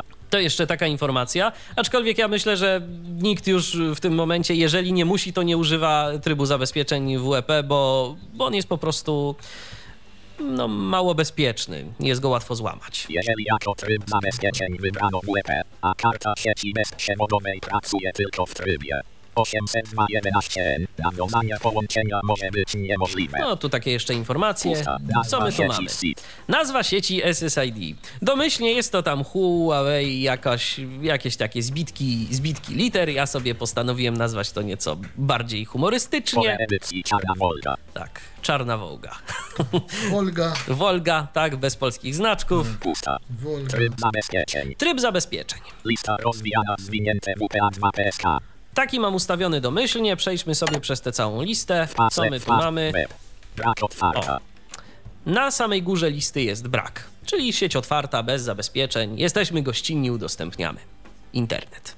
Komu tylko się zamarzy. Web. Web, Dokładnie. WPA2 PSK. WPA2 PSK, WPA slash WPA2 PSK. WPA, WPA2 PSK i to jest tyle. WPA2 PSK. Pusta. Hasło. Pole Hasło edycji za i tu mamy Gwiazdka. gwiazdki. Czasem jest tak, że to hasło jest pokazane otwartym tekstem, a tu mamy gwiazdki. Pole edycji zabezpieczone 17 gwiazdka. No, hasło 17-gwiazdkowe. Pusta, pusta, pusta. Pole wyboru nieoznaczone. Wyświetl hasło. Ale możemy sobie oczywiście wyświetlenie hasła włączyć. Jeżeli to zaznaczymy, to hasło nam się pokaże. Emisja identyfikatora SID. Emisja identyfikatora SSID, Przycisk opcji oznaczone. czyli takie dodatkowe zabezpieczenie. Jeżeli nie chcemy, to nie musimy tego yy, rozgłaszać w ogóle, że mamy coś takiego, Włączone. że mamy sieć bezprzewodową. Mam włączone, bo to ułatwia konfigurację, Przycisk opcji nieoznaczone. Wyłączony. ale możemy też wyłączyć. Pusta. Informacja. Jeśli rozgłaszanie SID sieci jest wyłączone, aby połączyć się z siecią Wi-Fi należy podać prawidłowy identyfikator SID. No właśnie, tu mamy trochę literówek też w tym tłumaczeniu. Klikalne zastosuj. O, i klikalne zastosuj. Klikalne. Chociaż gdzieś się pojawiło. Dobrze. Lista, lista Zobaczmy, co mamy tu dalej. Mm, przejdźmy sobie- zaawansowane, Zaawansowane ust. ustawienia Wi-Fi. No, może będzie Też tu coś link. ciekawego. Też link, tak. Bo to jest tak, te y, wszystkie rzeczy, takie jakby główne grupy, to są nieopisane jako cokolwiek. Natomiast jak już wejdziemy głębiej, to są standardowe linki. Zaawansowane ust. Wi-Fi nagłówek poziom 1. Adaptacja do kraju slash regionu. Przycisk opcji oznaczone. Włączona. Przycisk opcji nieoznaczone. Wyłączona. Kraj slash region. Możemy włączyć lub wyłączyć, Lista rozwijana zwinięte niedostępne Polska. ale no niestety, jeżeli byśmy chcieli coś tu sobie pokombinować z tym Wi-Fi i poustawiać jakoś y, inaczej, bo wiadomo, różne kraje to jest różna dozwolona moc emisji i promieniowania tych anten, no to niestety nie możemy tego przestawić. Jest to po prostu przez operatora wycięte. No prawdopodobnie po to, żebyśmy nie mieli jakichś tam niezdrowych konfliktów z prawem albo z co bardziej mm, czepiającymi się nas sąsiadami. No bo to niestety, no powiedzmy sobie szczerze, te regulacje nie biorą się z powietrza i mogą w pewnych sytuacjach y, zbyt duża moc y, y, tych nadajników Wi-Fi no, zakłócać pracę innych urządzeń sieciowych. Pasmo robocze. Lista rozwijana zwinięte 2,4 GHz. Pasmo robocze i mamy 2,4 GHz, 5 GHz. ale co bardzo ważne, również możemy operować w Też paśmie piąteczkę. 5 GHz, czyli w paśmie Właśnie A. tak, w paśmie, w którym nie ma y, takiego śmietnika jak na 2,4, ale też i nie wszystkie urządzenia w tym paśmie są w stanie pracować. To jest też Dokładnie. istotna rzecz.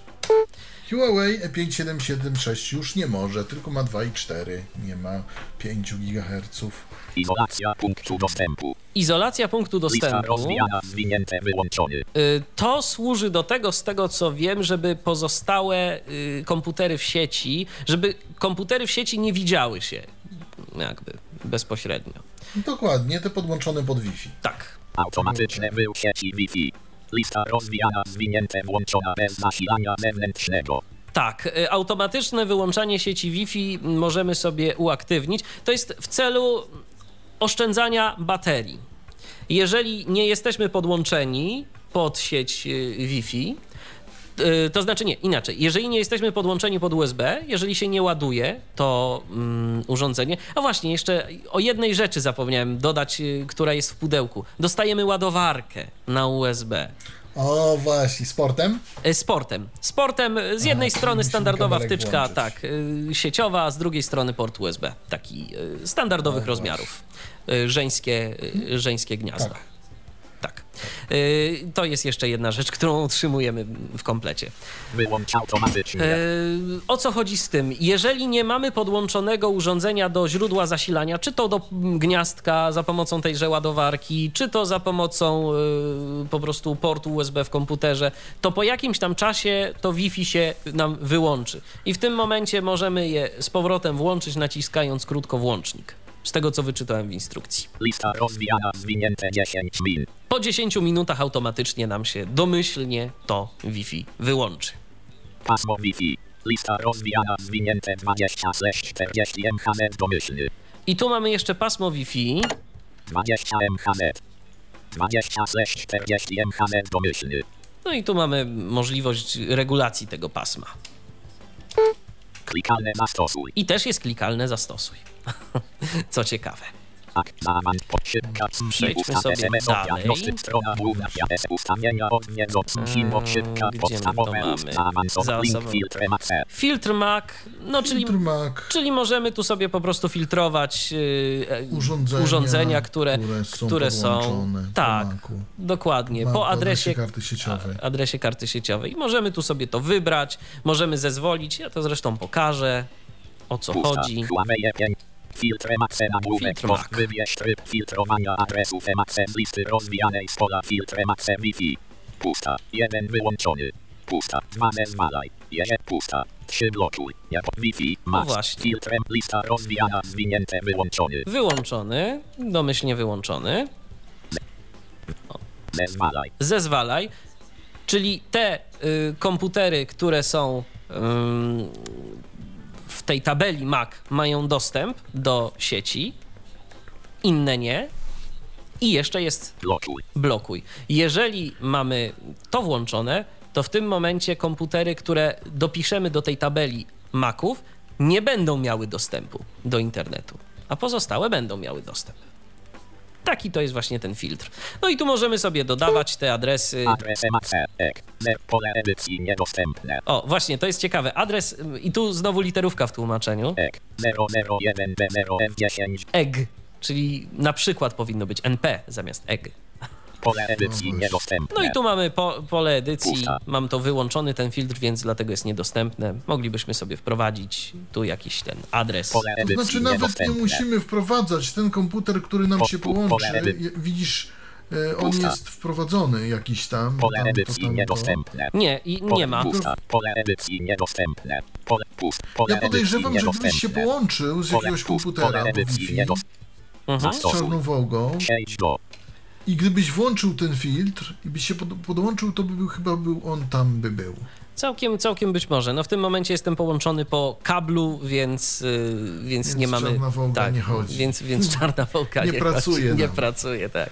Nie Silnik trybi. wyłączony w czarnej strona. Dobrze, yy, zobaczmy sobie dalej. Filtr Mac WPS, czyli coś, czego nie używam kompletnie. WPS to jest ta szybka konfiguracja. Nowe urządzenia mają taki przycisk, yy, dzięki któremu tam możliwe jest skonfigurowanie tego. A czy tu jest przycisk?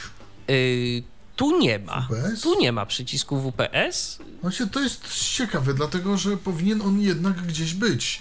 Bo w Huawei'ach Może w jakoś, może jakoś włącznikiem się to robi, natomiast ja tu widzę tylko jeden przycisk yy, w tym A, to w tym- jest ciekawe właśnie. Routerze. Ciekawa opcja. No. Zobaczymy, wejdziemy sobie w to. Mówię, ja, ja jakoś nigdy nie ufałem temu WPS, nie używam, nie korzystam. Wolę sobie to wszystko pokonfigurować ręcznie. WPS PN jest jedynym poświadczeniem umożliwiającym nawiązanie połączenia WPS. Wprowadź kod PN. Wygenerowany przez klienta dostępu bezprzewodowego, a następnie kliknij przycisk zastosuj. O właśnie. I już mamy op- i już mamy wyjaśnienie. Po prostu urządzenie mm, zewnętrzne musi nam wygenerować ten kod PIN. na urządzeniu zewnętrznym wciskamy to WPS, tylko podejrzewam, że to dla nas będzie niedostępne, bo chyba, że jakoś karta sieciowa na przykład wygeneruje nam to i będziemy w stanie to odczytać. Ale jakoś to średnio widzę to rozwiązanie. Jeszcze tu jest taka, takie ostrzeżenie. Huawei 5373 odbierze żądania dostępu od klienta Aha, do aha, jeszcze jest taka informacja. Yy, mamy telefon, więc spróbujemy odebrać połączenie. Zobaczymy, z kim się tym razem połączymy. Halo, kogo witamy? Halo, Halo? czy się Halo? słyszymy? Chyba się nie słyszymy. A może coś jest... Halo? Nie, jednak się niestety nie słyszymy. Nie no, wszystko, A wszystko to był Skype czy telefon? Nie, to był telefon. To był telefon, aczkolwiek właśnie. ja sprawdzałem wcześniej i telefon nam działa. Z telefonem, no niestety czasem są jakieś takie dziwne przypadłości. Od uroda protokołu SIP. Kod PN dla funkcji Eee, WPS. Kod PIN dla funkcji WPS możemy sobie wpisać. Yy, No i to jest tyle tak naprawdę. Wpisujemy kod, który wygeneruje nam zewnętrzne urządzenie, jeżeli chodzi o to WPS. WPS DHCP. Czyli automatyczne przydzielanie adresów IP yy, urządzeniu danemu. Które zostanie podłączone po Wi-Fi. Dokładnie. DHCP. Pole edycji 192 168 81. 8.1 to jest y, adres y, tego urządzenia. Maska pod sieci. Pole edycji 255 milionów 255 Tak zwana brama. tysięcy 255 0. Tu mamy maskę pod sieci, Serwer DHCP. serwer DHCP. Przycisk opcji oznaczone. Możemy włączyć, Przycisk możemy też wyłączyć i wtedy, i wtedy nadajemy, że tak powiem, z palca każdemu komputerowi indywidualny adres, aczkolwiek no, nie uważam tego za najszczęśliwszy pomysł. Początkowy adres IP. Pole edycji 192 168 8100. I tu definiujemy sobie mm, jakby mm, ad, e, przedział adresów, jakie są nadawane. Końcowy pole edycji 192 168 8200. Tak. Czas dzierżawy jest. Czas dzierżawy, czyli przez jaką ilość czasu. Aczkolwiek do komputerka można jednorazowo podłączyć maksymalnie 10 urządzeń, z tego co wyczytałem w instrukcji. Nie wiem, czy, czy jak to jest w praktyce. W- No, w praktyce, Tego wygląda, w, pa- w, w praktyce wygląda, jakby można było podłączyć znacznie więcej tych urządzeń, e, a przynajmniej tak deklaruje tu mm, jakby ten interfejs, natomiast podejrzewam, że podejrzewam, że rzeczywiście to jest tak małe urządzenie, że ono nie będzie sobie w stanie poradzić nawet po prostu z, z większą ilością urządzeń. No Nie podejrzewam, że tu był jakiś silny procesor, ani nic takiego. 86 tysięcy. Tu mamy czas dzierżawy, czyli mm, przez jaką tam ilość czasu ma ten y, serwer sobie rezerwować ten adres IP dla tego konkretnego adresu karty sieciowej. No i mamy zastosuj i to jest wszystko. Już nie jest klikalne. DHCP. Repeater Wi-Fi. To jest kolejna sekcja, więc ja sobie zwinę ustawienia Wi-Fi. Repeater Wi-Fi. Ja to mogę tylko pokazać, co tu jest, bo Ja ja... bym chciał, żebyś to pokazał. Dobrze, to proszę. proszę bardzo, pokazuję. Link internetowa sieć Wi-Fi. Internetowa sieć Wi-Fi, Link lista priorytetów. lista priorytetów. Adapter. Lista priorytetów, czyli taki jakby QoS wyglądałoby na to. Link, link Ale zobaczmy, co mamy w internetowej sieci Wi-Fi. Tak. Huawei 5373. Link Od razu mówię, jestem tu pierwszy raz w życiu, bo tego po prostu nie było mi to do niczego potrzebne. Repeater Wi-Fi nagłówek Internet Wi-Fi. Link włącz. Włącz i mogę to, i mogę to włączyć. Mogę to Link włączyć, włącz. więc spróbuję włączyć. Tak. To jest. Internet odwiedzony link włącz. Przejdź do. I teraz zastanawiam się, co Link się window, właściwie link, dzieje. Link, link, link, window, link, link, link, link, link, window, link, skanowanie, O, skanuj, dodaj sieć, link wyłącz, internet, link tak. wyłącz, I teraz po jakimś tam czasie Skanowanie. zmieniło nam się na wyłącz. dodaj sieć, I teraz mamy dodaj Skanuj. sieć, skanuj. O, mamy. Nawet on automatycznie to zrobił. I teraz mamy sieci. skanuj, dziwisz.net 2G, zabezpieczona przez WPA 2 PSK, pusta, pusta, TP link DAFE, zabezpieczona przez WPA slash WPA 2 PSK, pusta, pusta, TP link 8B 8402, Zabezpieczona przez WP. Pusta, pusta, geo. Zabezpieczona przez WPA slash WPA2 PSK. Pust, pusta. Przejdź do. I tu mamy po prostu sieci, które mógłbym sobie wybrać. Mogę sobie wybrać jakąś sieć. No dajmy na to. Nie będę się łączył, ale spróbuję wybrać swoją sieć. Dziwisz.net 2G. Piątki już nie widzi. Pole edycji O. zabezpieczone. I w tym momencie nacisnąłem na dziwisz.net 2G Hasło. i mam do Pole wprowadzenia hasło.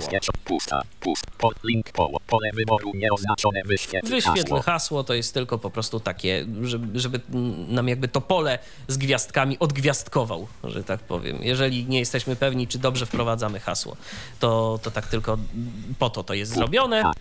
Uwierzytelnianie. Uwierzytelnianie. Nazwa, link void zero. Informacja. Ramka about, about. O, i mamy coś takiego, teraz spróbujemy Link, z tego wyjść. Link, link, przejdź do pusta, pusta, zabezpieczona przez geo. Pu, pusta, To chyba nam się jakoś schowało nawet. Pusta, zabezpiecz, skanuj, dodaj się, link O, dokładnie, to nam się schowało. Jak przeszedłem sobie do góry i do dołu, Zrób wyłącz. tak, wyłączę, Dodaj link wyłącz. wyłączę ten, wyłączę ten repeater. To jest tak jak mówię, właśnie taki repeater, jeżeli em, chcielibyśmy... Całkiem przydatna rzecz, Tak. Która może się naprawdę przydać. Może się przydać. Jeżeli mamy słaby sygnał, bo na przykład nasz e, telefon komórkowy, z którego korzystamy, no po prostu nie najlepiej sobie radzi. Ma słabą antenę y, do odbioru sygnału Wi-Fi, a nie chcemy marnować e, pakietu internetowego, bo mamy jakiś tam ograniczony, a mamy ten router y, pod ręką, no to możemy najzwyczajniej w świecie z tego skorzystać i możemy się tu y, połączyć na zasadzie takiego wzmacniacza. To są, to są przydatne rzeczy. Track link włącz. Mm, Wło- y, już wyłączyłem y, ten extender Wi-Fi. Co my tu mamy? lista priorytetów. Lista priorytetów A, jeszcze, lista Robercie, priorytetów. więc sobie pozwolę tu wejść. Zobaczmy, co się dzieje. lista priorytet, pusta. Lista priorytetów jest pusta. Zastosuj. Przejdź do Lista priorytetów jest pusta. link. Lista pusta. Nagłówek poziom 1 lista. Ani opcji do dodania, ani, ani, ani żadnej innej rzeczy. Myślałem że, myślałem, że po prostu tu będziemy mogli sobie coś dodać, ale okazuje się, że nie możemy. Być może to jest generowane, kiedy jesteśmy połączeni e, z siecią bezprzewodową, jednak mimo wszystko. To na zasadzie tego repeatera. I to wtedy nam się przydaje do tego. Może tak. Całkiem, całkiem być może. No tu niestety się nie wypowiem, bo po prostu no No najzwyczajniej... jest tu w dziale lista priorytetów, Tak, w dziale repeater tak, Wi-Fi, tak, więc tak, być tak, może więc jest to całkiem po prostu do tego, y, co ma być większym priorytetem, czy ta sieć, którą on ma powtarzać, czy ta nasza, którą on wydziela jakby z siebie. Może to o to tu chodzi. Więc przejdźmy, proponuję dalej. Zamykam ten repeater Wi-Fi i mamy tu adapter. Adapter. Adapter to jest... to, jest? Ethernet. To jest bardzo ciekawa rzecz. Link ustawienia Ethernet status. Od razu jeszcze to tylko pokażę. Ethernet. Ethernet, tak. I speak jego. Tak. Ym, ja tego nawet nie będę specjalnie pokazywał, bo nie mam adaptera Ethernetu. Yy, I to jest właśnie rzecz, y, o której warto wspomnieć, yy, bo ten router nie ma możliwości podpięcia mm, gniazdek właśnie RJ45, czyli ethernetowych. Natomiast z opisu, który gdzieś tam wyczytałem, mamy możliwość zakupienia dodatkowego adaptera Ethernet USB. I w tym momencie możemy y, tam włożyć taką standardową wtyczkę RJ45. Y, Nie wiem dlaczego tak, nie wiem po co. W moim odczuciu to jest bez sensu, tym bardziej, że mamy możliwość podłączenia tego pod, pod USB. Jedynym jakby rozwiązaniem takim sensownym, dla którego mogłoby to być przydatne, to ja widzę sytuację taką, w której podłączamy to do jakiegoś jeszcze zewnętrznego routera, który nie ma możliwości i który nie wspiera modemów USB. I w tym momencie możemy to podłączyć i w tego mm, korzystać z tego. Chyba, chyba tak, bo to. No to są jakieś ustawienia, jakieś coś w tym, e- w tym Ethernecie. Dokładnie. Ethernecie. Dokładnie. Mamy możliwość. Możesz tam wejść i zobaczyć? Y, Wiesz co, mogę tam zobaczyć? dają? Mogę zobaczyć Link, link, link Ethernet. Link ustawienia Ethernet status. ustawienia Link Ethernet. Link, link, status, link klonowanie Link, link, link Na przykład Ethernet. Mamy telefon, zobaczymy, może tym razem nam się uda Zobacz, odebrać. no Sprawdzimy, halo, czy się słyszymy? No nie, wygląda na to, że się znowu nie będziemy słyszeć. Yy, ja mam takie... Ale czy na pewno ten telefon. Tak, ten telefon działa, bo go sprawdzałem. Ten telefon działa, bo go sprawdzałem wcześniej, więc, więc jestem pewien, że działa. Dobrze.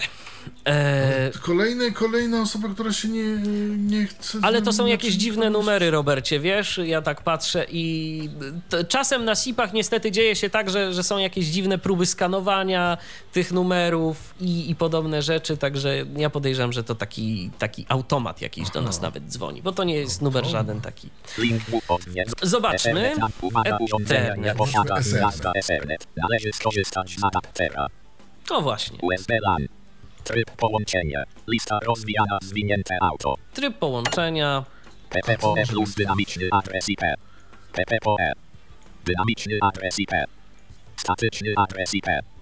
Tylko sieć LAN. Takie mamy tryby. Auto. Hmm, ciekawe. System automatycznie wybiera najlepszy tryb połączenia. Nagłówek poziom 3 PPPoE. No i tutaj możemy sobie to po prostu konfigurować, ale nie mam y, adaptera e- Ethernet. Ethernet. Tak, Ethernet, y, więc po prostu no nie pokażę tego, bo po prostu takiego adaptera nie mam. Za to mogę pokazać kolejne rzeczy, więc ja z tego wyjdę z tego adaptera. Zabezpieczenia. Nie Za- jeszcze mieć e, zabezpieczenia, ustawienia. Tak, zabez- poza, adapterem. To znaczy tak, no tylko że, tylko, że nic tam jakby nie będziemy mieli możliwości pokazania tego, tego w praktyce, niestety. W żaden, Aha, w żaden sposób. Bo to po prostu, no nie mam tego adaptera. Ethernetu. Tak, No w każdym razie USB LAN można sobie nabyć tak. taki adapter i, i, i można sobie tego używać pięknie. Niestety nawet nie mam y, informacji, z czym to do końca działa. Nie ma żadnej listy kompatybilnych tych adapterów, ani nic takiego. Za- Zarządzanie. Zarządzanie. Y, chociaż nie, jeszcze zabezpieczenia są wyżej.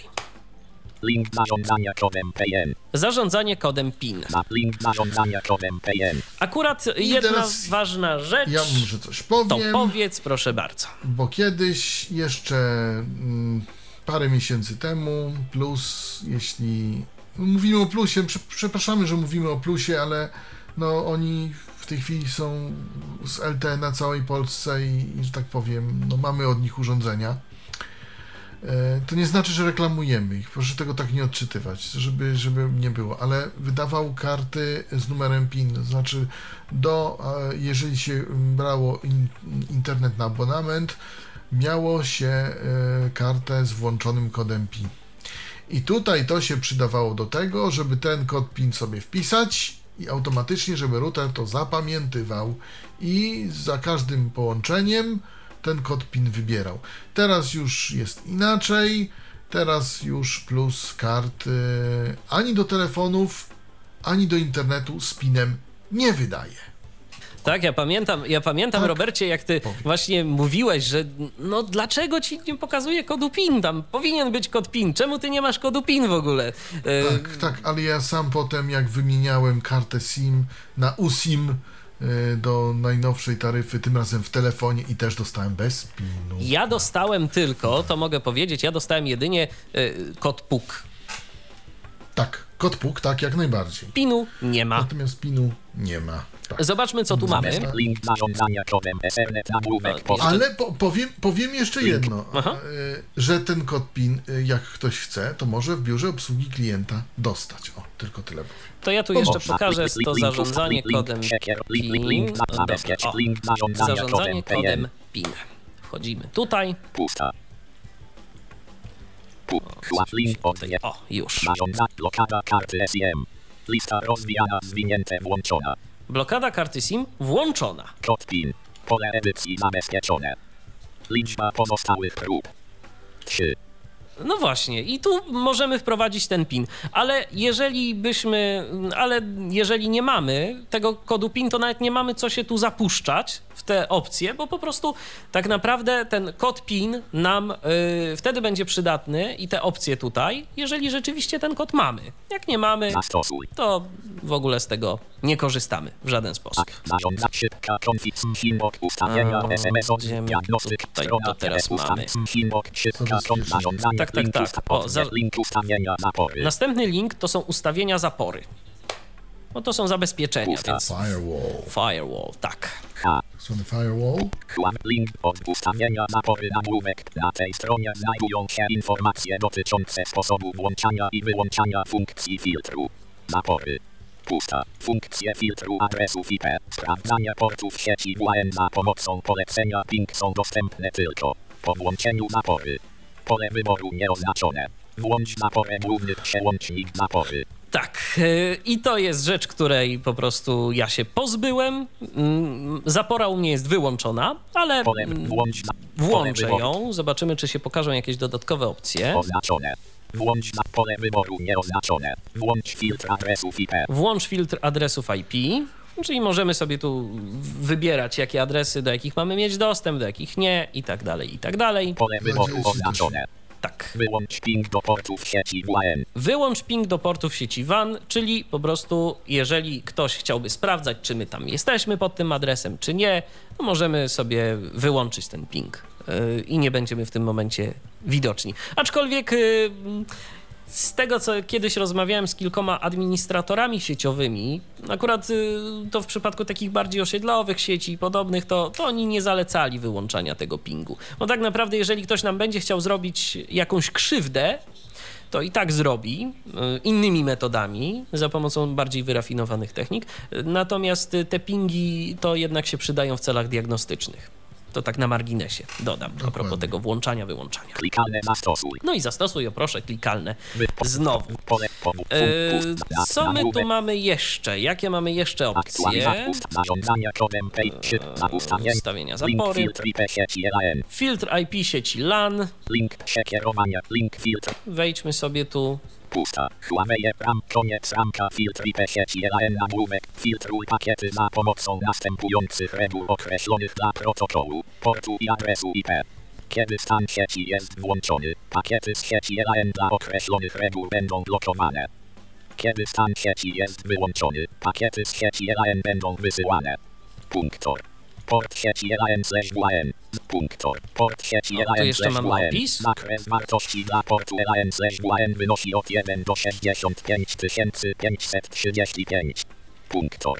Informacja. Ustawienia zaczną obowiązywać dopiero po kliknięciu przycisku zastosuj. Nagłówek poziom 2 lista filtrów IP sieci LAN. Adres IP LAN. Port LAN. Adres IP WAN. Port WAN. Protokół. Stan sieci. Opcje. Pusta. Dodaj. Zastosuj. I dodaj. możemy tu dodać. Nie będę oczywiście tego zachowywał, ale pokażę o co chodzi. Klikam dodaj. Pust, do, zastosuj, do, port, ad, port, ad, na, inform, punkt, port, Tylko, że niestety w tym- w tym momencie, kiedy chciałem to dodać, Spróbuję jeszcze raz. Dodaj. A może dlatego, że mam wyłączoną tą zaporę. Mm, To, to nie jest aktywne. Ja szczerze mówiąc, ja, ja powyłączałem te zapory i powyłączałem te ustawienia y, w tej zaporze, dlatego żeby najzwyczajniej w świecie, no i tak jestem za natem, i tak jestem chroniony przez, y, przez ten system plusa, więc tak naprawdę, jeżeli dostałbym to wyłączenie tego adresu IP yy, płatne, jeżeli bym sobie to wykupił, to byłby sens z tego tu korzystać.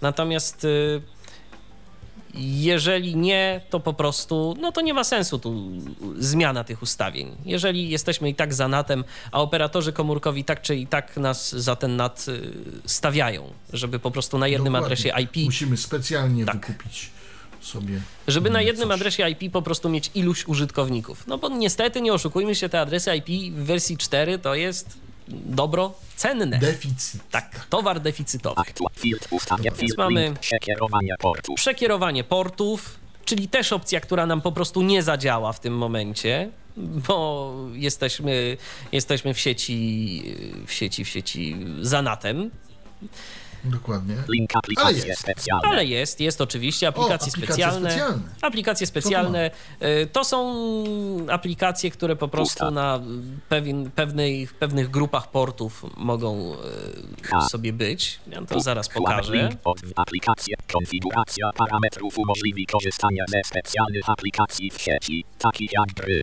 online, wideokonferencje i telefony IP. Punkto. Protokół wyzwalania. Specjalnych i serwerów zdalnych. Punkto. Port wyzwalania. Port wychodzący aplikacji. Jest to pojedynczy port. Punkt. Protokół otwarty. Protokoły używane przez aplikacje specjalne. Punkt. Otwarty port. Port używany do uzyskiwania dostępu do aplikacji specjalnych przez internet. Może to być jeden port lub zakres portów. Od numerów portów należy użyć średnikami. Szczegółowe parametry znajdują się w opisie konkretnej aplikacji. Punkt. Informacja. Ustawienia zaczną obowiązywać dopiero po kliknięciu przycisku zastosuj. Zastosuj. Zastosuj. I tu także mamy, to, to, jest, to jest rzecz podobna do tego przekierowania portów, tylko że tu możemy ileś portów otworzyć na jakąś konkretną aplikację. Tak. Czasem to się przydaje, to w takich już naprawdę Ciekawe, czy mamy specyficznych... UPnP, ale prawdopodobnie nie. UPnP gdzieś ja tu widziałem, wiesz, ale, ale to, nie, to nie tu. To nie tu. Yy, aplikacje sobie dalej. Aplikacje specjalne to było to. Ustawienia DMZ. Ustawienia DMZ. DMZ, czyli strefa zdemilitaryzowana, jeden komputer, który po prostu jest pozbawiony tej całej ochrony. Yy, jakichś natów, yy, firewalli i tak dalej, i tak dalej. On jest po prostu wystawiony na zewnątrz. Oczywiście. Mimo tego, że ja bym nawet wystawił się do tej strefy zdemilitaryzowanej, to i tak mi nic to nie da, bo operator mi na to nie pozwoli w tej opcji, Dokładnie. którą mam Link ustawienia SIP-ALG. ustawienia SIP ALG, czyli do mm, konferencji, do, do protokołu SIP, czyli do właśnie telefonów i podobnych rzeczy. I właśnie. I to je- też jest wesoło. tak, i tu też jest wesoło, bo proszę Państwa, yy, nie działa. Nie działa. SIP najzwyczajniej Pomimo w tego, świecie nie włączymy- działa. Mimo tego, że włączymy, to to nie działa. Sprawdzone. Bo ostatnia właśnie audycja w, zeszłym tygodniu, yy, którą prowadziłem z, yy, a propos yy, w ramach audycji Tyflo Podcastu na żywo z Marcinem, yy, no, podałem numer telefonu, tylko niestety, jeżeli ktoś próbował się dodzwonić, to się do nas nie dodzwonił, bo to była audycja prowadzona testowo na łączności LTE. Abonent jest nieosiągalny. Tak, abonent jest nieosiągalny. Taki komunikat osiągał. Tak.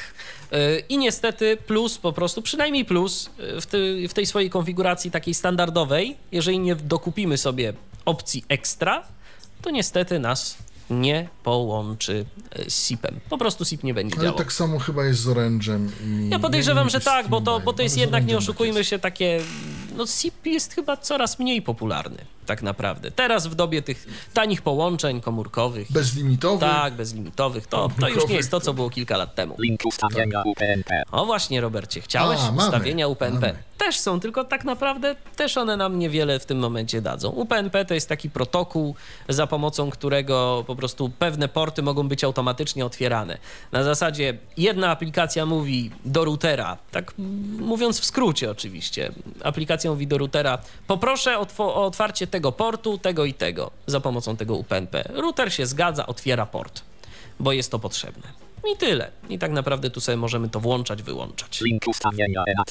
Ustawienia NAT, czyli to są te dwa rodzaje NATów. Ja to pokażę. Też na symetryczny. Tak, tak, dokładnie, dokładnie, ale to Stożkowy, tak? y, zaraz ja to pokażę, o co chodzi. Ustawienia NAT nagłówek poziom 1. Symetryczny mechanizm NAT często stosuje się w przypadku bramek o podwyższonych rygorach.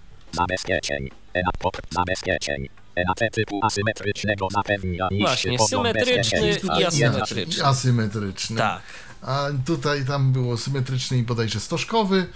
Yy, Nie wiem, czy dobrze to I mamy. I mamy dwie opcje. Przycisk opcji oznaczone. Asymetryczny.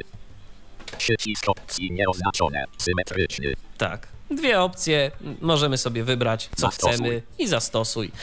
I tyle w tej Ten opcji. asymetryczny jest lepszy. Mm, Z tego, co tu, z tego, co tu napisali, to tak, natomiast. y, Natomiast, no. I tak to dla nas żadnej zmiany nie przyniesie. No tak. Tak, to są takie konfiguracje, które ja po prostu pokazuję na zasadzie, żeby zasygnalizować, że to jest, że ten router to potrafi, aczkolwiek i tak y, korzystając z usług y, naszych operatorów, no musimy jeszcze dodatkowo zapłacić, żeby faktycznie móc z tego wszystkiego korzystać. Eee, NAT Że odwiedzą. przynajmniej możemy to. Mamy Tak, taką opcję. jest taka Kiedyś nawet opcja. takiej opcji nie było. Y, I to przeszliśmy tu sobie przez te opcje, które się nazywają Zabezpieczenia. przez tą grupę, zatem zamykam. Zarządzanie. Jest kolejna podgrupa. A właściwie kolejna grupa. Link ustawienia hasła. Ustawienia hasła, Link ustawienia fabryczne. ustawienia fabryczne Link restart i urządzenia. restart urządzenia. Link ustawienia dodatkowe. I ustawienia dodatkowe jeszcze są. Dobrze. Link. Aha. Link klient i Wi-Fi. Klient z Klient Wi-Fi. Wi-Fi. Clients Wi-Fi. Tak, clients Wi-Fi. Dobrze, przejdźmy sobie przez te opcje. Link, link, link ustawienia hasła. Link ustawienia, Ustawienia hasła. hasła. No to to chyba wiadomo. Tak, to jeszcze tylko Link ustawienia hasła. hasła. bieżące hasło. Pole edycji zabezpieczone. Pusta. Nowe hasło. Pole edycji zabe... Pusta. Siła hasła. Niska. No tak, niska, bo nic nie wpisałem. Średnia. Wysoka. Pusta. No, ale Potwierdź. jakoś tak chyba to nawet się nam by nie wyświetliło za bardzo, bo niska, średnia, wysoka, jakoś graficznie to jest, podejrzewam, wyróżnione. Pole edycji zabezpieczone. I potwierdź hasło. Pusta, pusta. Pole wyboru oznaczone. Jak przypominaj po logowaniu, czy siła hasła jest niska. Aha, więc dostalibyśmy taki alert. Zresztą właśnie, jeżeli nie zmienimy tego hasła, tego domyślnego admin, admin, to router będzie nas tam co jakiś czas informował, że to hasło to jest słabe i warto by było je zmienić. I rzeczywiście lepiej je zmienić. Zastosuj. I zastosuj. I to jest wszystko. Aktual ustawień szybka kąt ustawienia hasła od link ustawienia fabryczne. Ustawienia fabryczne, no czyli resetujemy router do ustawień mm, takich domyślnych, standardowych. Link restart urządzenia. Restart urządzenia, możemy je uruchomić ponownie, jeżeli coś nam się z tym routerem dzieje. Tak naprawdę równie dobrze możemy po prostu dłużej przytrzymać ten przycisk yy, włącznika i ono nam się też wyłączy, a później je włączyć, ale jeżeli mamy taką możliwość, to lepiej wykonać to w sposób programowy, czyli z tej strony, dlatego że po takiej operacji wyłączenia i włączenia nie zawsze ten router y, chce nam być widoczny w systemie. No proszę. Tak, czasem tak się dzieje. Najlepiej, jeżeli chcemy odłączyć ten router, to najlepiej w połączeniach sieciowych wyłączyć połączenie lokalne 2 albo tam jakiś inny numer, Tak, bo, który bo jest. ten router tworzy dodatkowe połączenie. Tak, ja to może od razu pokażę. Taki zrobię sobie chwilę przerwy od tego interfejsu. W menu. Start wpisałem w tej wyszukiwarce Windowsa e, Vista 7 mm, w górę połączenia. Mamy wyświetl połączenia sieciowe. połączenia sieciowe. Połączenia sieciowe. Widok elementów lista. Połączenia lokalne niezaznaczone 1 z 4. O, i mam tu następujące opcje. To jest akurat dlatego, że mam VMware Playera zainstalowanego, VMware Network Adapter VNet 1 3 z 4. Połączenia Ale- lokalne 2 2 z 4. mam jeszcze jedno dodatkowe połączenie. Połączenie lokalne 2. To się u Państwa może nazywać inaczej. Może być połączenie lokalne nawet i 7, 8, 10, a może być No, różnie 3 to może być, i tak dalej, i tak dalej. To w zależności od y, skonfigurowanych gdzieś tam w systemie y, połączeń sieciowych, ile ich jest. Yy, I w tym momencie możemy sobie Dodam tylko, że taki, taka opcja interfejsu będzie przy połączeniu USB. Nie będziemy tego mieć przy połączeniu Wi-Fi, bo przy połączeniu Tak. Wi-Fi będziemy mieć to troszkę inaczej. To będzie po Będziemy prostu mieć połączenie sieci sieciowe. bezprzewodowej Tak. i to będzie to nasza karta Wi-Fi. Także to jest tylko przy połączeniu USB. USB, dokładnie. Yy, Także przechodzę sobie tu już dalej. Ustawienia dodatkowe. Ustawienia dodatkowe. Bardzo ciekawa i enigmatyczna jakże nazwa. Zobaczmy, co tu jest. Link od ustawienia dodatkowe nagłówek poziom 1. Pole wyboru nieoznaczone.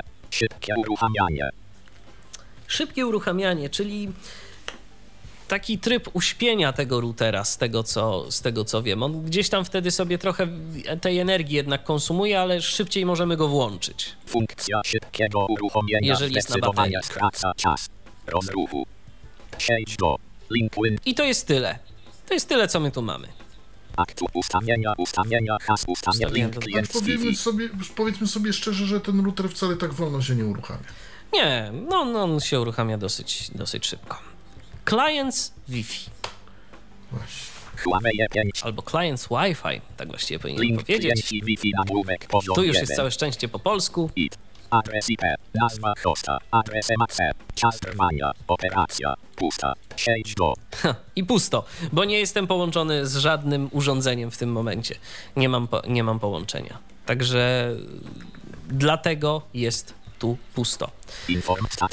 Eee, i teraz tak. Mm, co my tu mamy jeszcze? Lista, link, link, od Mm. link, krótkie, kro- od, od, niezo, od, nie, link, link, www, kropka, link, link, w, od, od, od, niezo, link, krótkie, od, link, link, statystyka, od, nie, brak, nas- link, klienci Wi-Fi, od, Klienci niezo, Wi-Fi. link, informacje o urządzeniu. Tak, i, i w tym momencie to jest jakby już wszystko w tych, e, w tych opcjach. Tak naprawdę to y, informacje, mm, ty, ci klienci Wi-Fi są, to chyba już nawet są zupełnie z, trochę z innej gałęzi, ale to jest po prostu nam taki link, który, który się pojawia. E, No i cóż, i teraz jeszcze tak naprawdę zostało nam y, omówienie skrzynki SMS-owej i diagnostyki. Diagnostyki. I krótkie No i kody, no ale krótkich krótkie kodów. kody to, to, to No jest dla dosyć... y, posiadaczy kart pre, prepaidowych jak najbardziej wskazana opcja, tak? Bo tam się steruje tymi wszystkimi komendami przy pomocy tych krótkich kodów USSD. Natomiast no tutaj z racji abonamentu nie wykorzystasz, ale jest taka opcja i można. Więc co, to może najpierw diagnostykę Link, www, spróbujmy. Można diagnostykę? diagnostyk. Można diagnostykę. Diagnostyka. Wchodzimy sobie w, diag- w diagnostykę i cóż my tu mamy na dobry początek? Link strona, od, od link krótki jak Tu jest, odwiedzony link SMS, przejdźmy sobie do tej- link statystyka. O właśnie. I tu jest troszeczkę inaczej, bo ta diagnostyka to nam się nie rozwija w nic, tylko mamy takie dwa linki poniżej. I to T, odwiedzony link smhit, w tym, gdzie, gdzie mamy LTE, T, czy nazwę innego trybu połączenia i poniżej tego link mamy statystyka, statystykę odwiedzony link informacje, Informacje o urządzeniu, link klienci Wi-Fi, i klienci Wi-Fi. Tak, klienci Wi-Fi są jak widać w dwóch po prostu miejscach. pusta, pobieranie, I teraz mamy to pierwsze, czyli mamy statystykę. wysyłanie, szyb, 0, 0, pewuczo bieżąca warto, 0, pewuczo bieżąca, całkowita wartość. Pobrano, 1924 KB, 16204 GB. I to są statystyki. Domyślnie, kiedy wchodzimy w diagnostykę, to są statystyki nam się wyświetlają. Pobrano całkowicie 16204 GB. 162 GB, Wysłano. wysłano w tej sesji 295 KB. 2,95 kg, 126,87 GB. ale ogólnie wysłano tyle. Całkowita wartość. Całkowita wartość, czyli całkowita wartość i wysyłki, i odbioru. 22,19 KB. Tyle. 288,9 GB. 288,9 giga. Y, Ja ten router mam, tak jak mówię, ze dwa tygodnie i tyle już przetransferowałem. Czas połączenia. Czas połączenia 0546. 5 godzin 46. y, 0546. Tak, 5 godzin 46 y, minut. Tak by to pokazywało. 0546. 278 350. Y, 278 godzin, y, tam 3 minuty 50 sekund, tak? 278 350. Statystyki. Ale to się nie aktualizuje. Nie wiem dlaczego to się nie chce aktualizować w tym momencie. Y, Pod Firefoxem zdaje się, że się aktualizowało. I tu mamy Statystyki są orientacyjne. Tak, statystyki są orientacyjne, chociaż ja bym powiedział, że ten router dobrze zlicza. On to, on to zlicza dobrze i, i on to sugerują, żeby się o szczegółowe statystyki pytać mm, operatora. Niemniej jednak ja powiem, że chyba operator ma gorsze informacje niż ten router, bo on to sobie jednak na bieżąco liczy. Przejdziemy sobie teraz do-. Informacje o urządzeniu. I tu są też ciekawe rzeczy. Link od brak następ odwiedzony link informacje o urządzeniu nagłówek poziom 1. Nazwa urządzenia E E5373 155. Tu jest konkretna nazwa. E-mail. Numer 865.info. IMSI. 260. Czyli też taki identyfikator mm, tego, tego urządzenia. Wersja sprzętowa modemu. Wersja sprzętowa, Wersja oprogramowania. Wersja interfejsu wersja 7. interfejsu, no takie dane mm, fabryczne. Adres MAC. Adres IBAN. Nieznane. Maska pod sieci. 255 milionów wersji. Równe minus 51 dBm. Minus 51 dBm. O właśnie.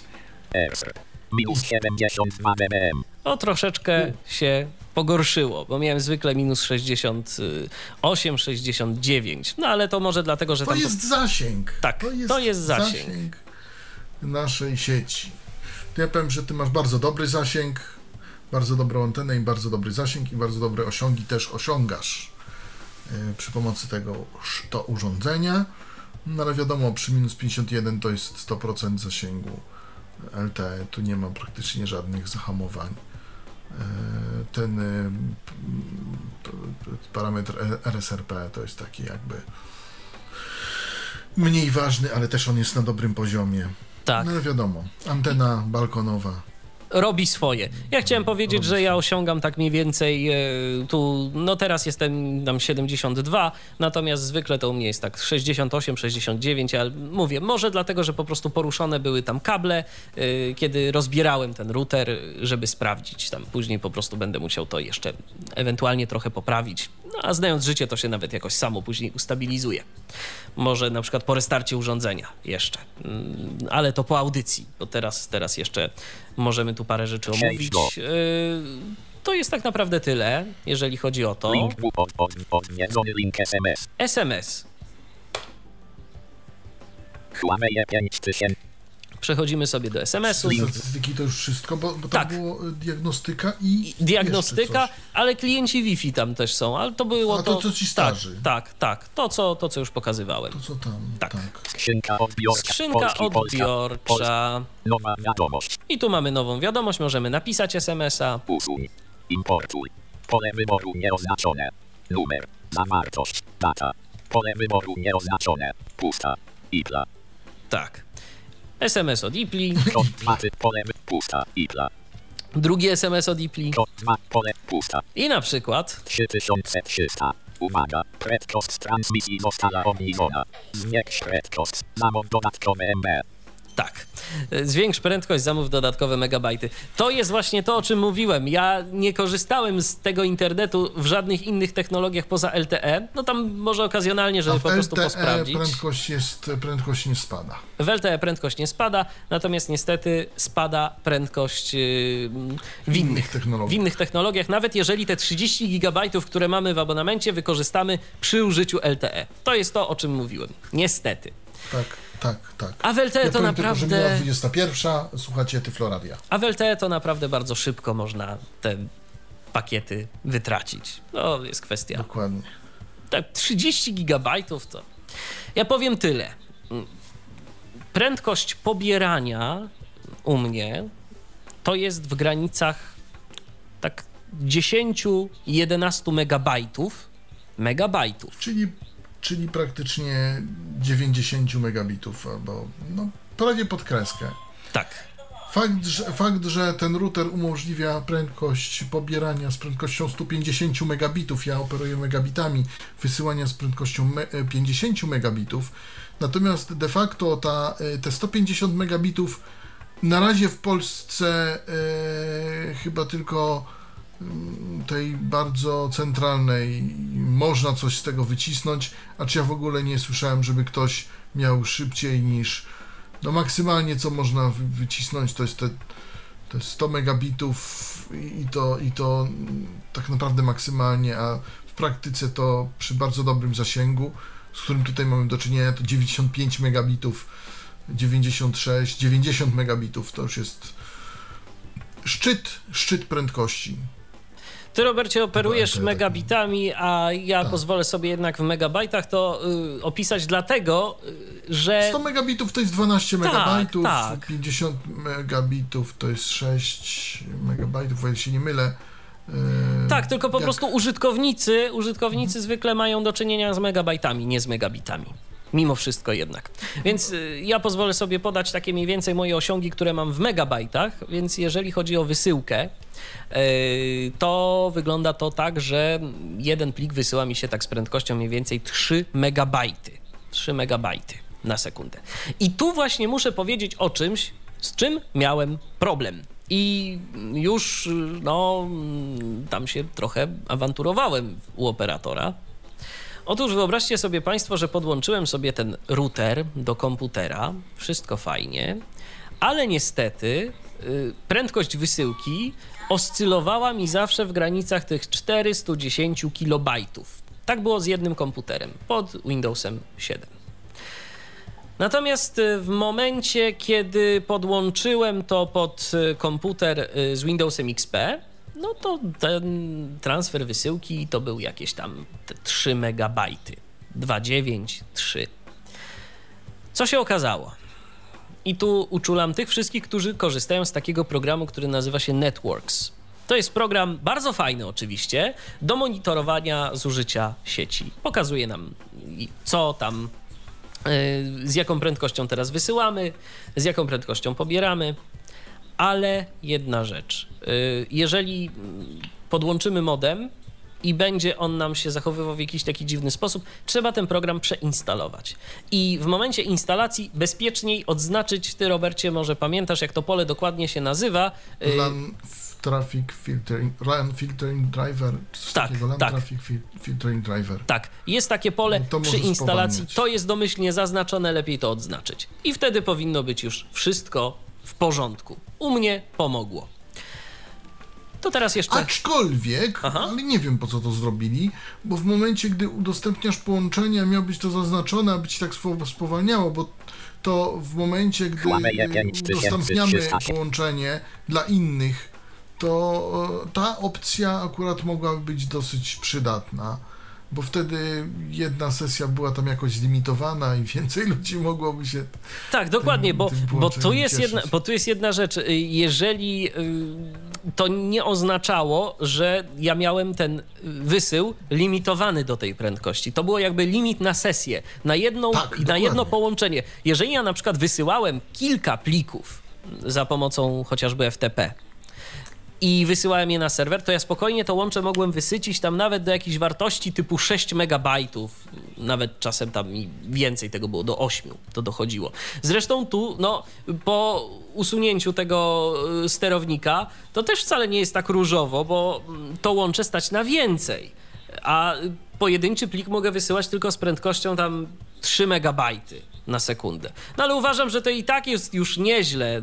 W momencie, kiedy mój kablowy dostawca internetu oferuje 1 megabit, czyli prędkość tam 128 kilobajtów na sekundę, a tu wysyłam z prędkością 3 megabajtów, to uważam, że to i tak jest już dobrze. Tak, to jest duży postęp. Nie będę się skarżył to tak naprawdę zostało nam do omówienia tylko te krótkie kody. To ja to tylko tak szybko pokażę, bo, bo tu nie ma za bardzo czego pokazywać. Link krótkie kody. Pole edycji. Muszę się zalogować. Oczywiście powiem tylko tyle, że te SMS-y są dostępne, jakby ktoś chciał wysyłać e, przez ten router. Tak, nie można, ma problemu, można. Można, można i to działa. Zaloguj. Tam nawet są chyba nawet jakieś, że tam można y, podkolorować te literki, coś tam z tym zrobić. No ale to wiadomo Krótkie. dla nas niekoniecznie przydatna funkcja. Krótkie kody. Pusta. Wpisz kod. Pole edycji. Klikalne wyślij. Tyle. Pusta. Tyle. Tak. Tak, to jest, to jest, to jest tylko tyle, ale Bo dostępne... odpowiedź na krótki kod przyjdzie nam w skrzynkę odbiorczą od SMS-a. Dokładnie. Także, Z tego co pamiętam. Także jeżeli komuś to do czegoś może się przydać, no to oczywiście może skorzystać właśnie z takich y, krótkich kodów i dzięki temu gdzieś tam zarządzać sobie mm, tą swoją y, usługą. Tak jak powiedziałeś, to przede wszystkim y, dla użytkowników internetu Kart. na kartę. Na kartę. Tak, na kartę. I teraz, Michale, krótkie podsumowanie czy jesteś zadowolony z tego urządzenia? Czy polecałbyś je innym y, użytkownikom? Y, jakieś krótkie wady, zalety? Coś, ja zauważyłem jedną rzecz, ja zauważyłem jedną niepokojącą rzecz, mianowicie taką, że to urządzenie w momencie, kiedy rozkręcimy na przykład pobieranie kilku plików za pomocą protokołu BitTorrent, e, i wyłączymy wszelkie limity transferu, to ono tak po kilku godzinach potrafi się zawiesić. Podejrzewam, że po prostu ruch sieciowy mm, protokołu BitTorrent, który no wiadomo, no, to jest protokół, który nawiązuje mnóstwo różnych połączeń.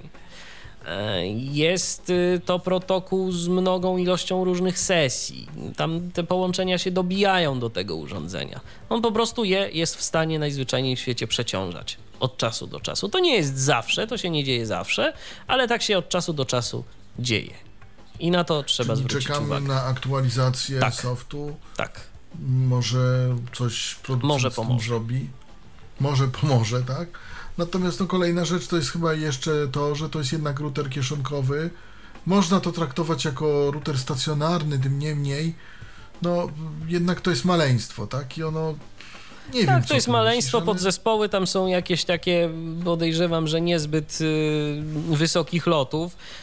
I to nie jest urządzenie, nawet takiej klasy Soho. Ja tu mam obok siebie taki router dosyć y, dobry, no ale to jest taka większa skrzynka. A to jest malutkie. Y, No i na pewno także i ta miniaturyzacja niosła za sobą konieczność rezygnacji z pewnych rzeczy, z pewnych y, podzespołów, y, z pewnej szybkości pracy. Chociażby brak tych portów ethernetowych. To może być już coś, co dla niektórych będzie stanowiło problem. No tak. To, to, to, to fakt. Natomiast no, co byś powiedział? Polecasz, nie polecasz? Y, W, nie wiem, lepsze są inne na rynku. Jeżeli, proszę bardzo, jestem, posłuchałem sobie Tyflo Podcasta, zamierzam posłuchać, ale mam właśnie do wyboru ten router. No, proszę bardzo, może pan sobie kupić u nas 3 To złote. zależy, to zależy do, to zależy do czego byśmy chcieli tego używać. Jeżeli to ma być nasz podstawowy router, to moim zdaniem jednak lepiej chyba nie. Troszeczkę za mało możliwości. Natomiast jeżeli ma to być po prostu taki internet, który sobie albo podłączamy do kilku urządzeń, yy, albo na przykład chcemy go gdzieś zabrać z sobą, to jak najbardziej. To urządzenie jest do tego ale nie jako podstawowy router, który zarządza naszą całą siecią domową i za pomocą którego no, tylko i wyłącznie korzystamy z internetu. Bo to się najzwyczajniej moim zdaniem do tego nie nadaje. Może ja jestem zbyt wymagającym użytkownikiem, ale to jednak stabilnością przy takim większym obciążeniu no, to nie grzeszy, powiedzmy szczerze sobie ten fakt. No Więc- zmartwiłeś mnie tym, że, że na BitTorrentach jednak się zatyka. tak, po jakimś czasie, jakimś po czasie. jakimś czasie, po iluś godzinach. No jeżeli wiesz, jeżeli tego nie zlimitujesz, bo jeżeli to zlimitujesz tam odpowiednio, no to, no to tak, ale dajmy na to, masz jakąś tam nową instalkę Linuxa albo różne utwory z Yamendo, które chcesz sobie pobrać i nazbierasz tego całkiem sporo, yy, albo jakieś różne rzeczy z archive'a, no i chcesz sobie ściągnąć to na dysk swojego komputera, rozkręcasz tego BitTorrenta, żeby on tam sobie to wszystko ładnie pobrał, no to niestety jak wstaniesz, to może się okazać, że po prostu router się zawiesił. A, czyli on się nie zatyka, że zaczyna spowalniać pobieranie i tak dalej, tylko po prostu... Nie, on się po prostu zawiesza. masz internetu. Nie masz internetu. Dokładnie. Nie masz Aha. internetu. No to wesoło, to, to wesoło. Przy To czym, czekam. mm, przy czym nie ma to takiego y, wpływu na przykład na wysyłki y, za pomocą FTP czy SFTP. Ja robiłem próby, wysyłałem duże pliki po kilkanaście, jak nie kilkadziesiąt gigabajtów.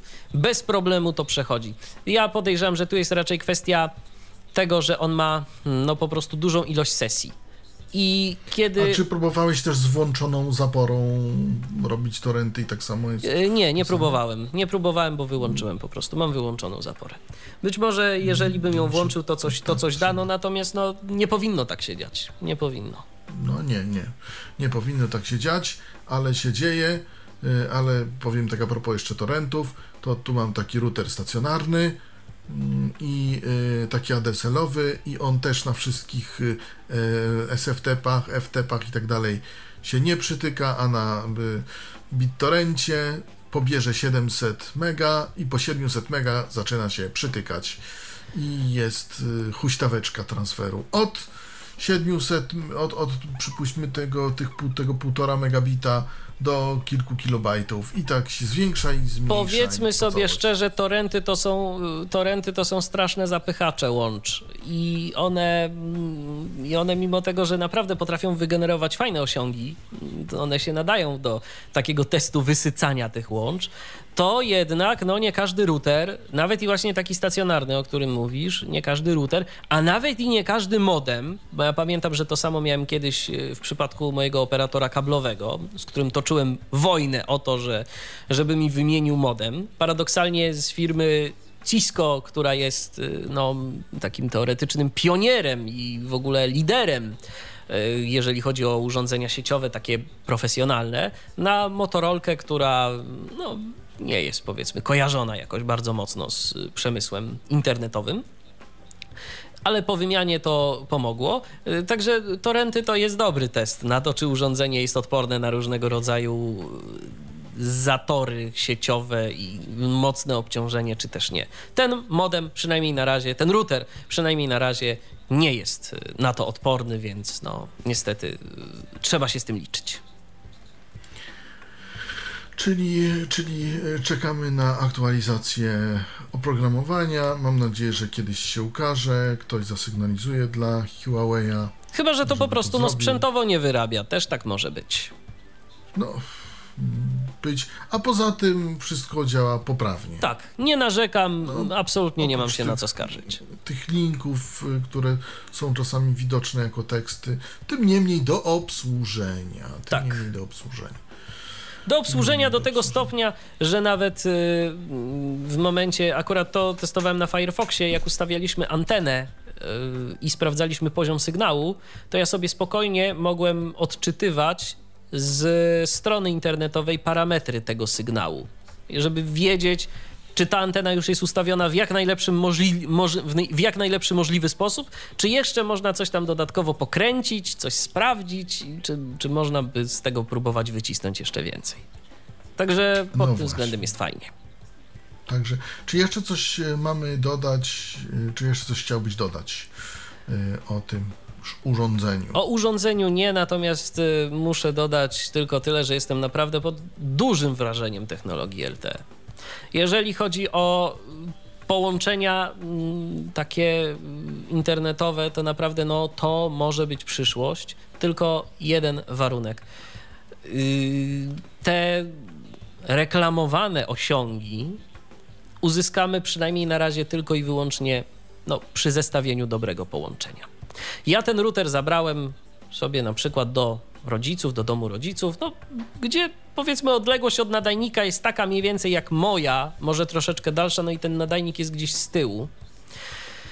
No to te osiągi w domu były gorsze od y, takiego zwykłego ADSL-a. Na zewnątrz były lepsze, ale to też jakaś tam żadna rewelacja. Natomiast po zakupie odpowiedniej anteny, jak się odpowiednio wstroimy w ten nadajnik, y, ustawimy sobie to wszystko, no to naprawdę mamy fajne łącze, które o wiele będzie szybciej nam działać niż łącze kablowe, przynajmniej w takich niewielkich miastach, no bo tam wiadomo, gdzie, gdzie mamy na przykład UPC, który oferuje nam no, dosyć szybkie łącza, no to, to, to chyba lepiej w te łącze kablowe zainwestować.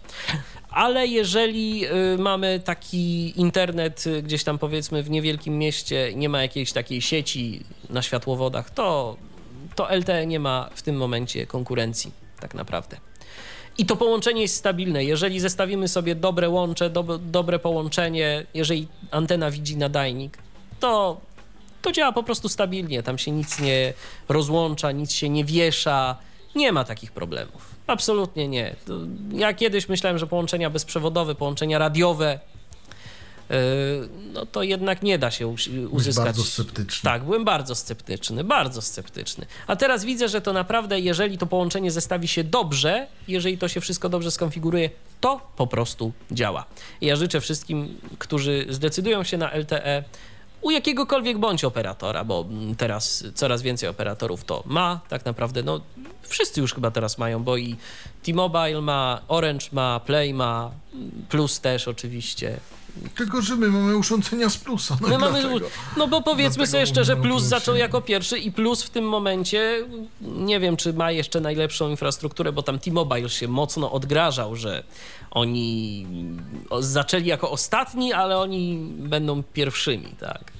Mm, Ja powiem tak, że Orange zaczął jako ostatni, jeśli, jeśli miałbym... Orange tak, ale Orange, Orange na nadajnikach T-Mobile'a chyba sobie buduje tę infrastrukturę, bo oni tam się ze sobą podogadywali, oni tworzą tą sieć taką tych nadajników, więc to, to jest, no to jest rozmowa jeszcze na zupełnie inną historię i na zupełnie inną Tak, audycję. tak, tak. W każdym razie y, liczący się operatorzy oferują internet w technologii LTE. Oczywiście wiadomo, co miasto to będzie to różnie działało. Y, U jednego może być Powiem- lepiej, u innego może być gorzej. Powiem tak, jeśli, jeśli chcecie w ogóle poczuć smak tego LTE, mm, no to taki zasięg na poziomie minus 77 decybeli, e, kiedy nie możecie na przykład mieć anteny balk- na balkonie, nie macie balkonu, jesteście w wynajętym mieszkaniu, właściciel nie pozwala gdzieś tam robić jakieś dziury, albo, no bo to różnie, tak? Na pewne rzeczy jednak nie możemy sobie pozwolić. Nie zawsze mamy komfort y, mieszkania na swoim i robienia tego, czego chcemy. Jeżeli mamy zasięg na poziomie minus 77, to już możemy się cieszyć z technologii LTE. Nie w pełnym zakresie, bo to nie będzie jeszcze to, co, to, co ma Michał, ale to już jest dużo. To już jest dużo, to już jest dużo lepiej niż y, ADSL y, taki tradycyjny. Tak, to się wszystko zgadza. To się wszystko zgadza. y, Łącza są naprawdę fajne, szybkie.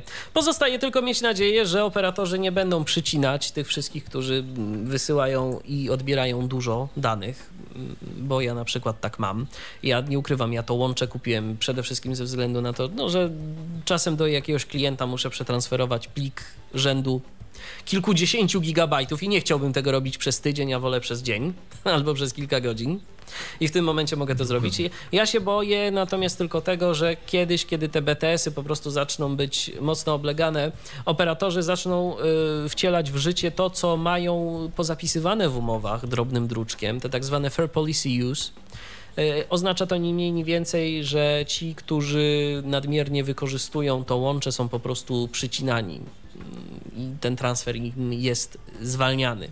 Ja bym tego nie chciał, no ale podejrzewam, że za kilka lat, y, kiedy jakby ekspansja operatorów, jeżeli chodzi o łącza LTE, y, zostanie wstrzymana, no bo tego nie można pompować w nieskończoność, to kiedyś trzeba będzie sobie powiedzieć stop. I na pewno to nie będzie tak, że to, to się zawsze produkuje z jakimś pewnym niedomiarem, tak? bo wiadomo, że wszyscy jednocześnie z tego nie korzystają, mm, więc nie robi się tego tak, żeby każdy zawsze mógł.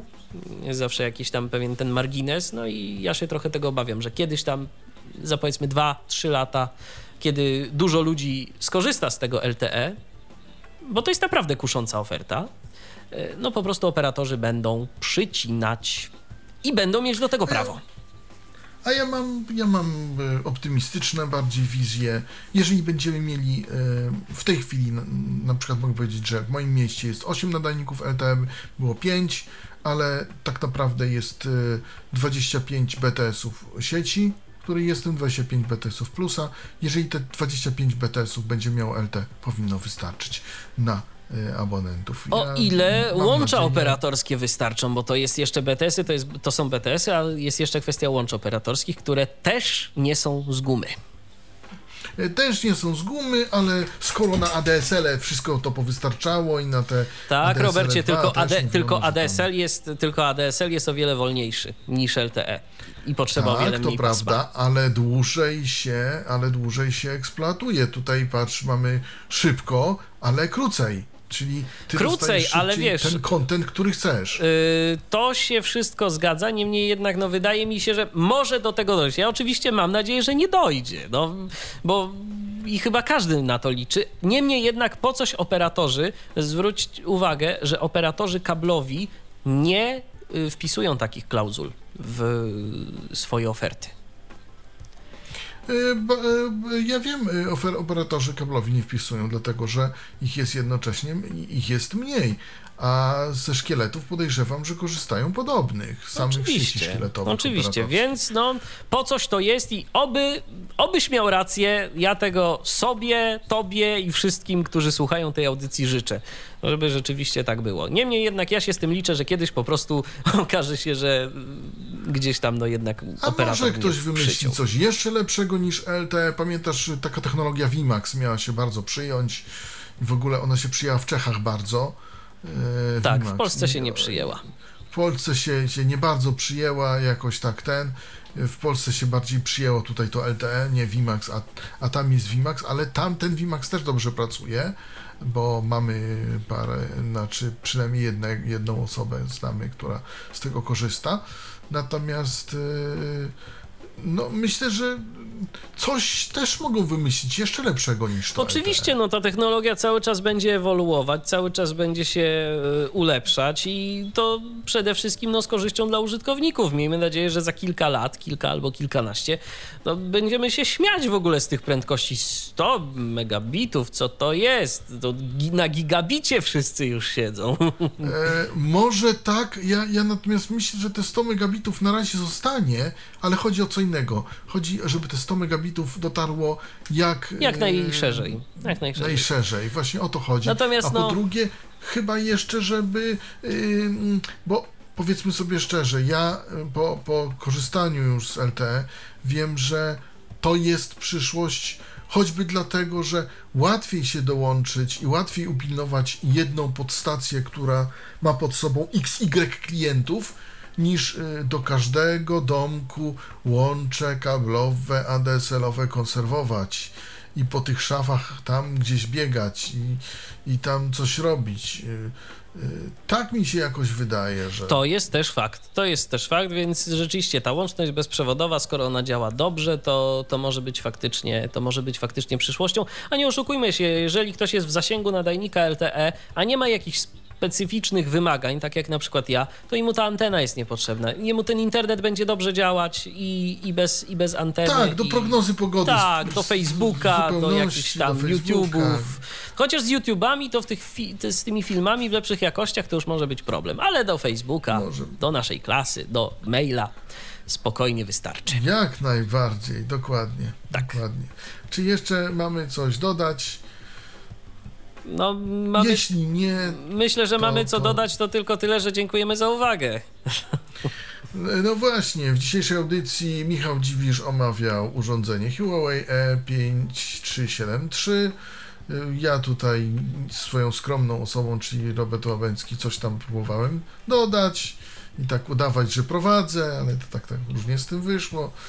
Niemniej dziękujemy za uwagę, do usłyszenia w jakimś terminie, nie wiem, za ty... nie, nie wiem kiedy. No do usłyszenia w każdym razie. Do usłyszenia, dziękujemy za uwagę. Do następnego odcinka Tyflo Podcastu.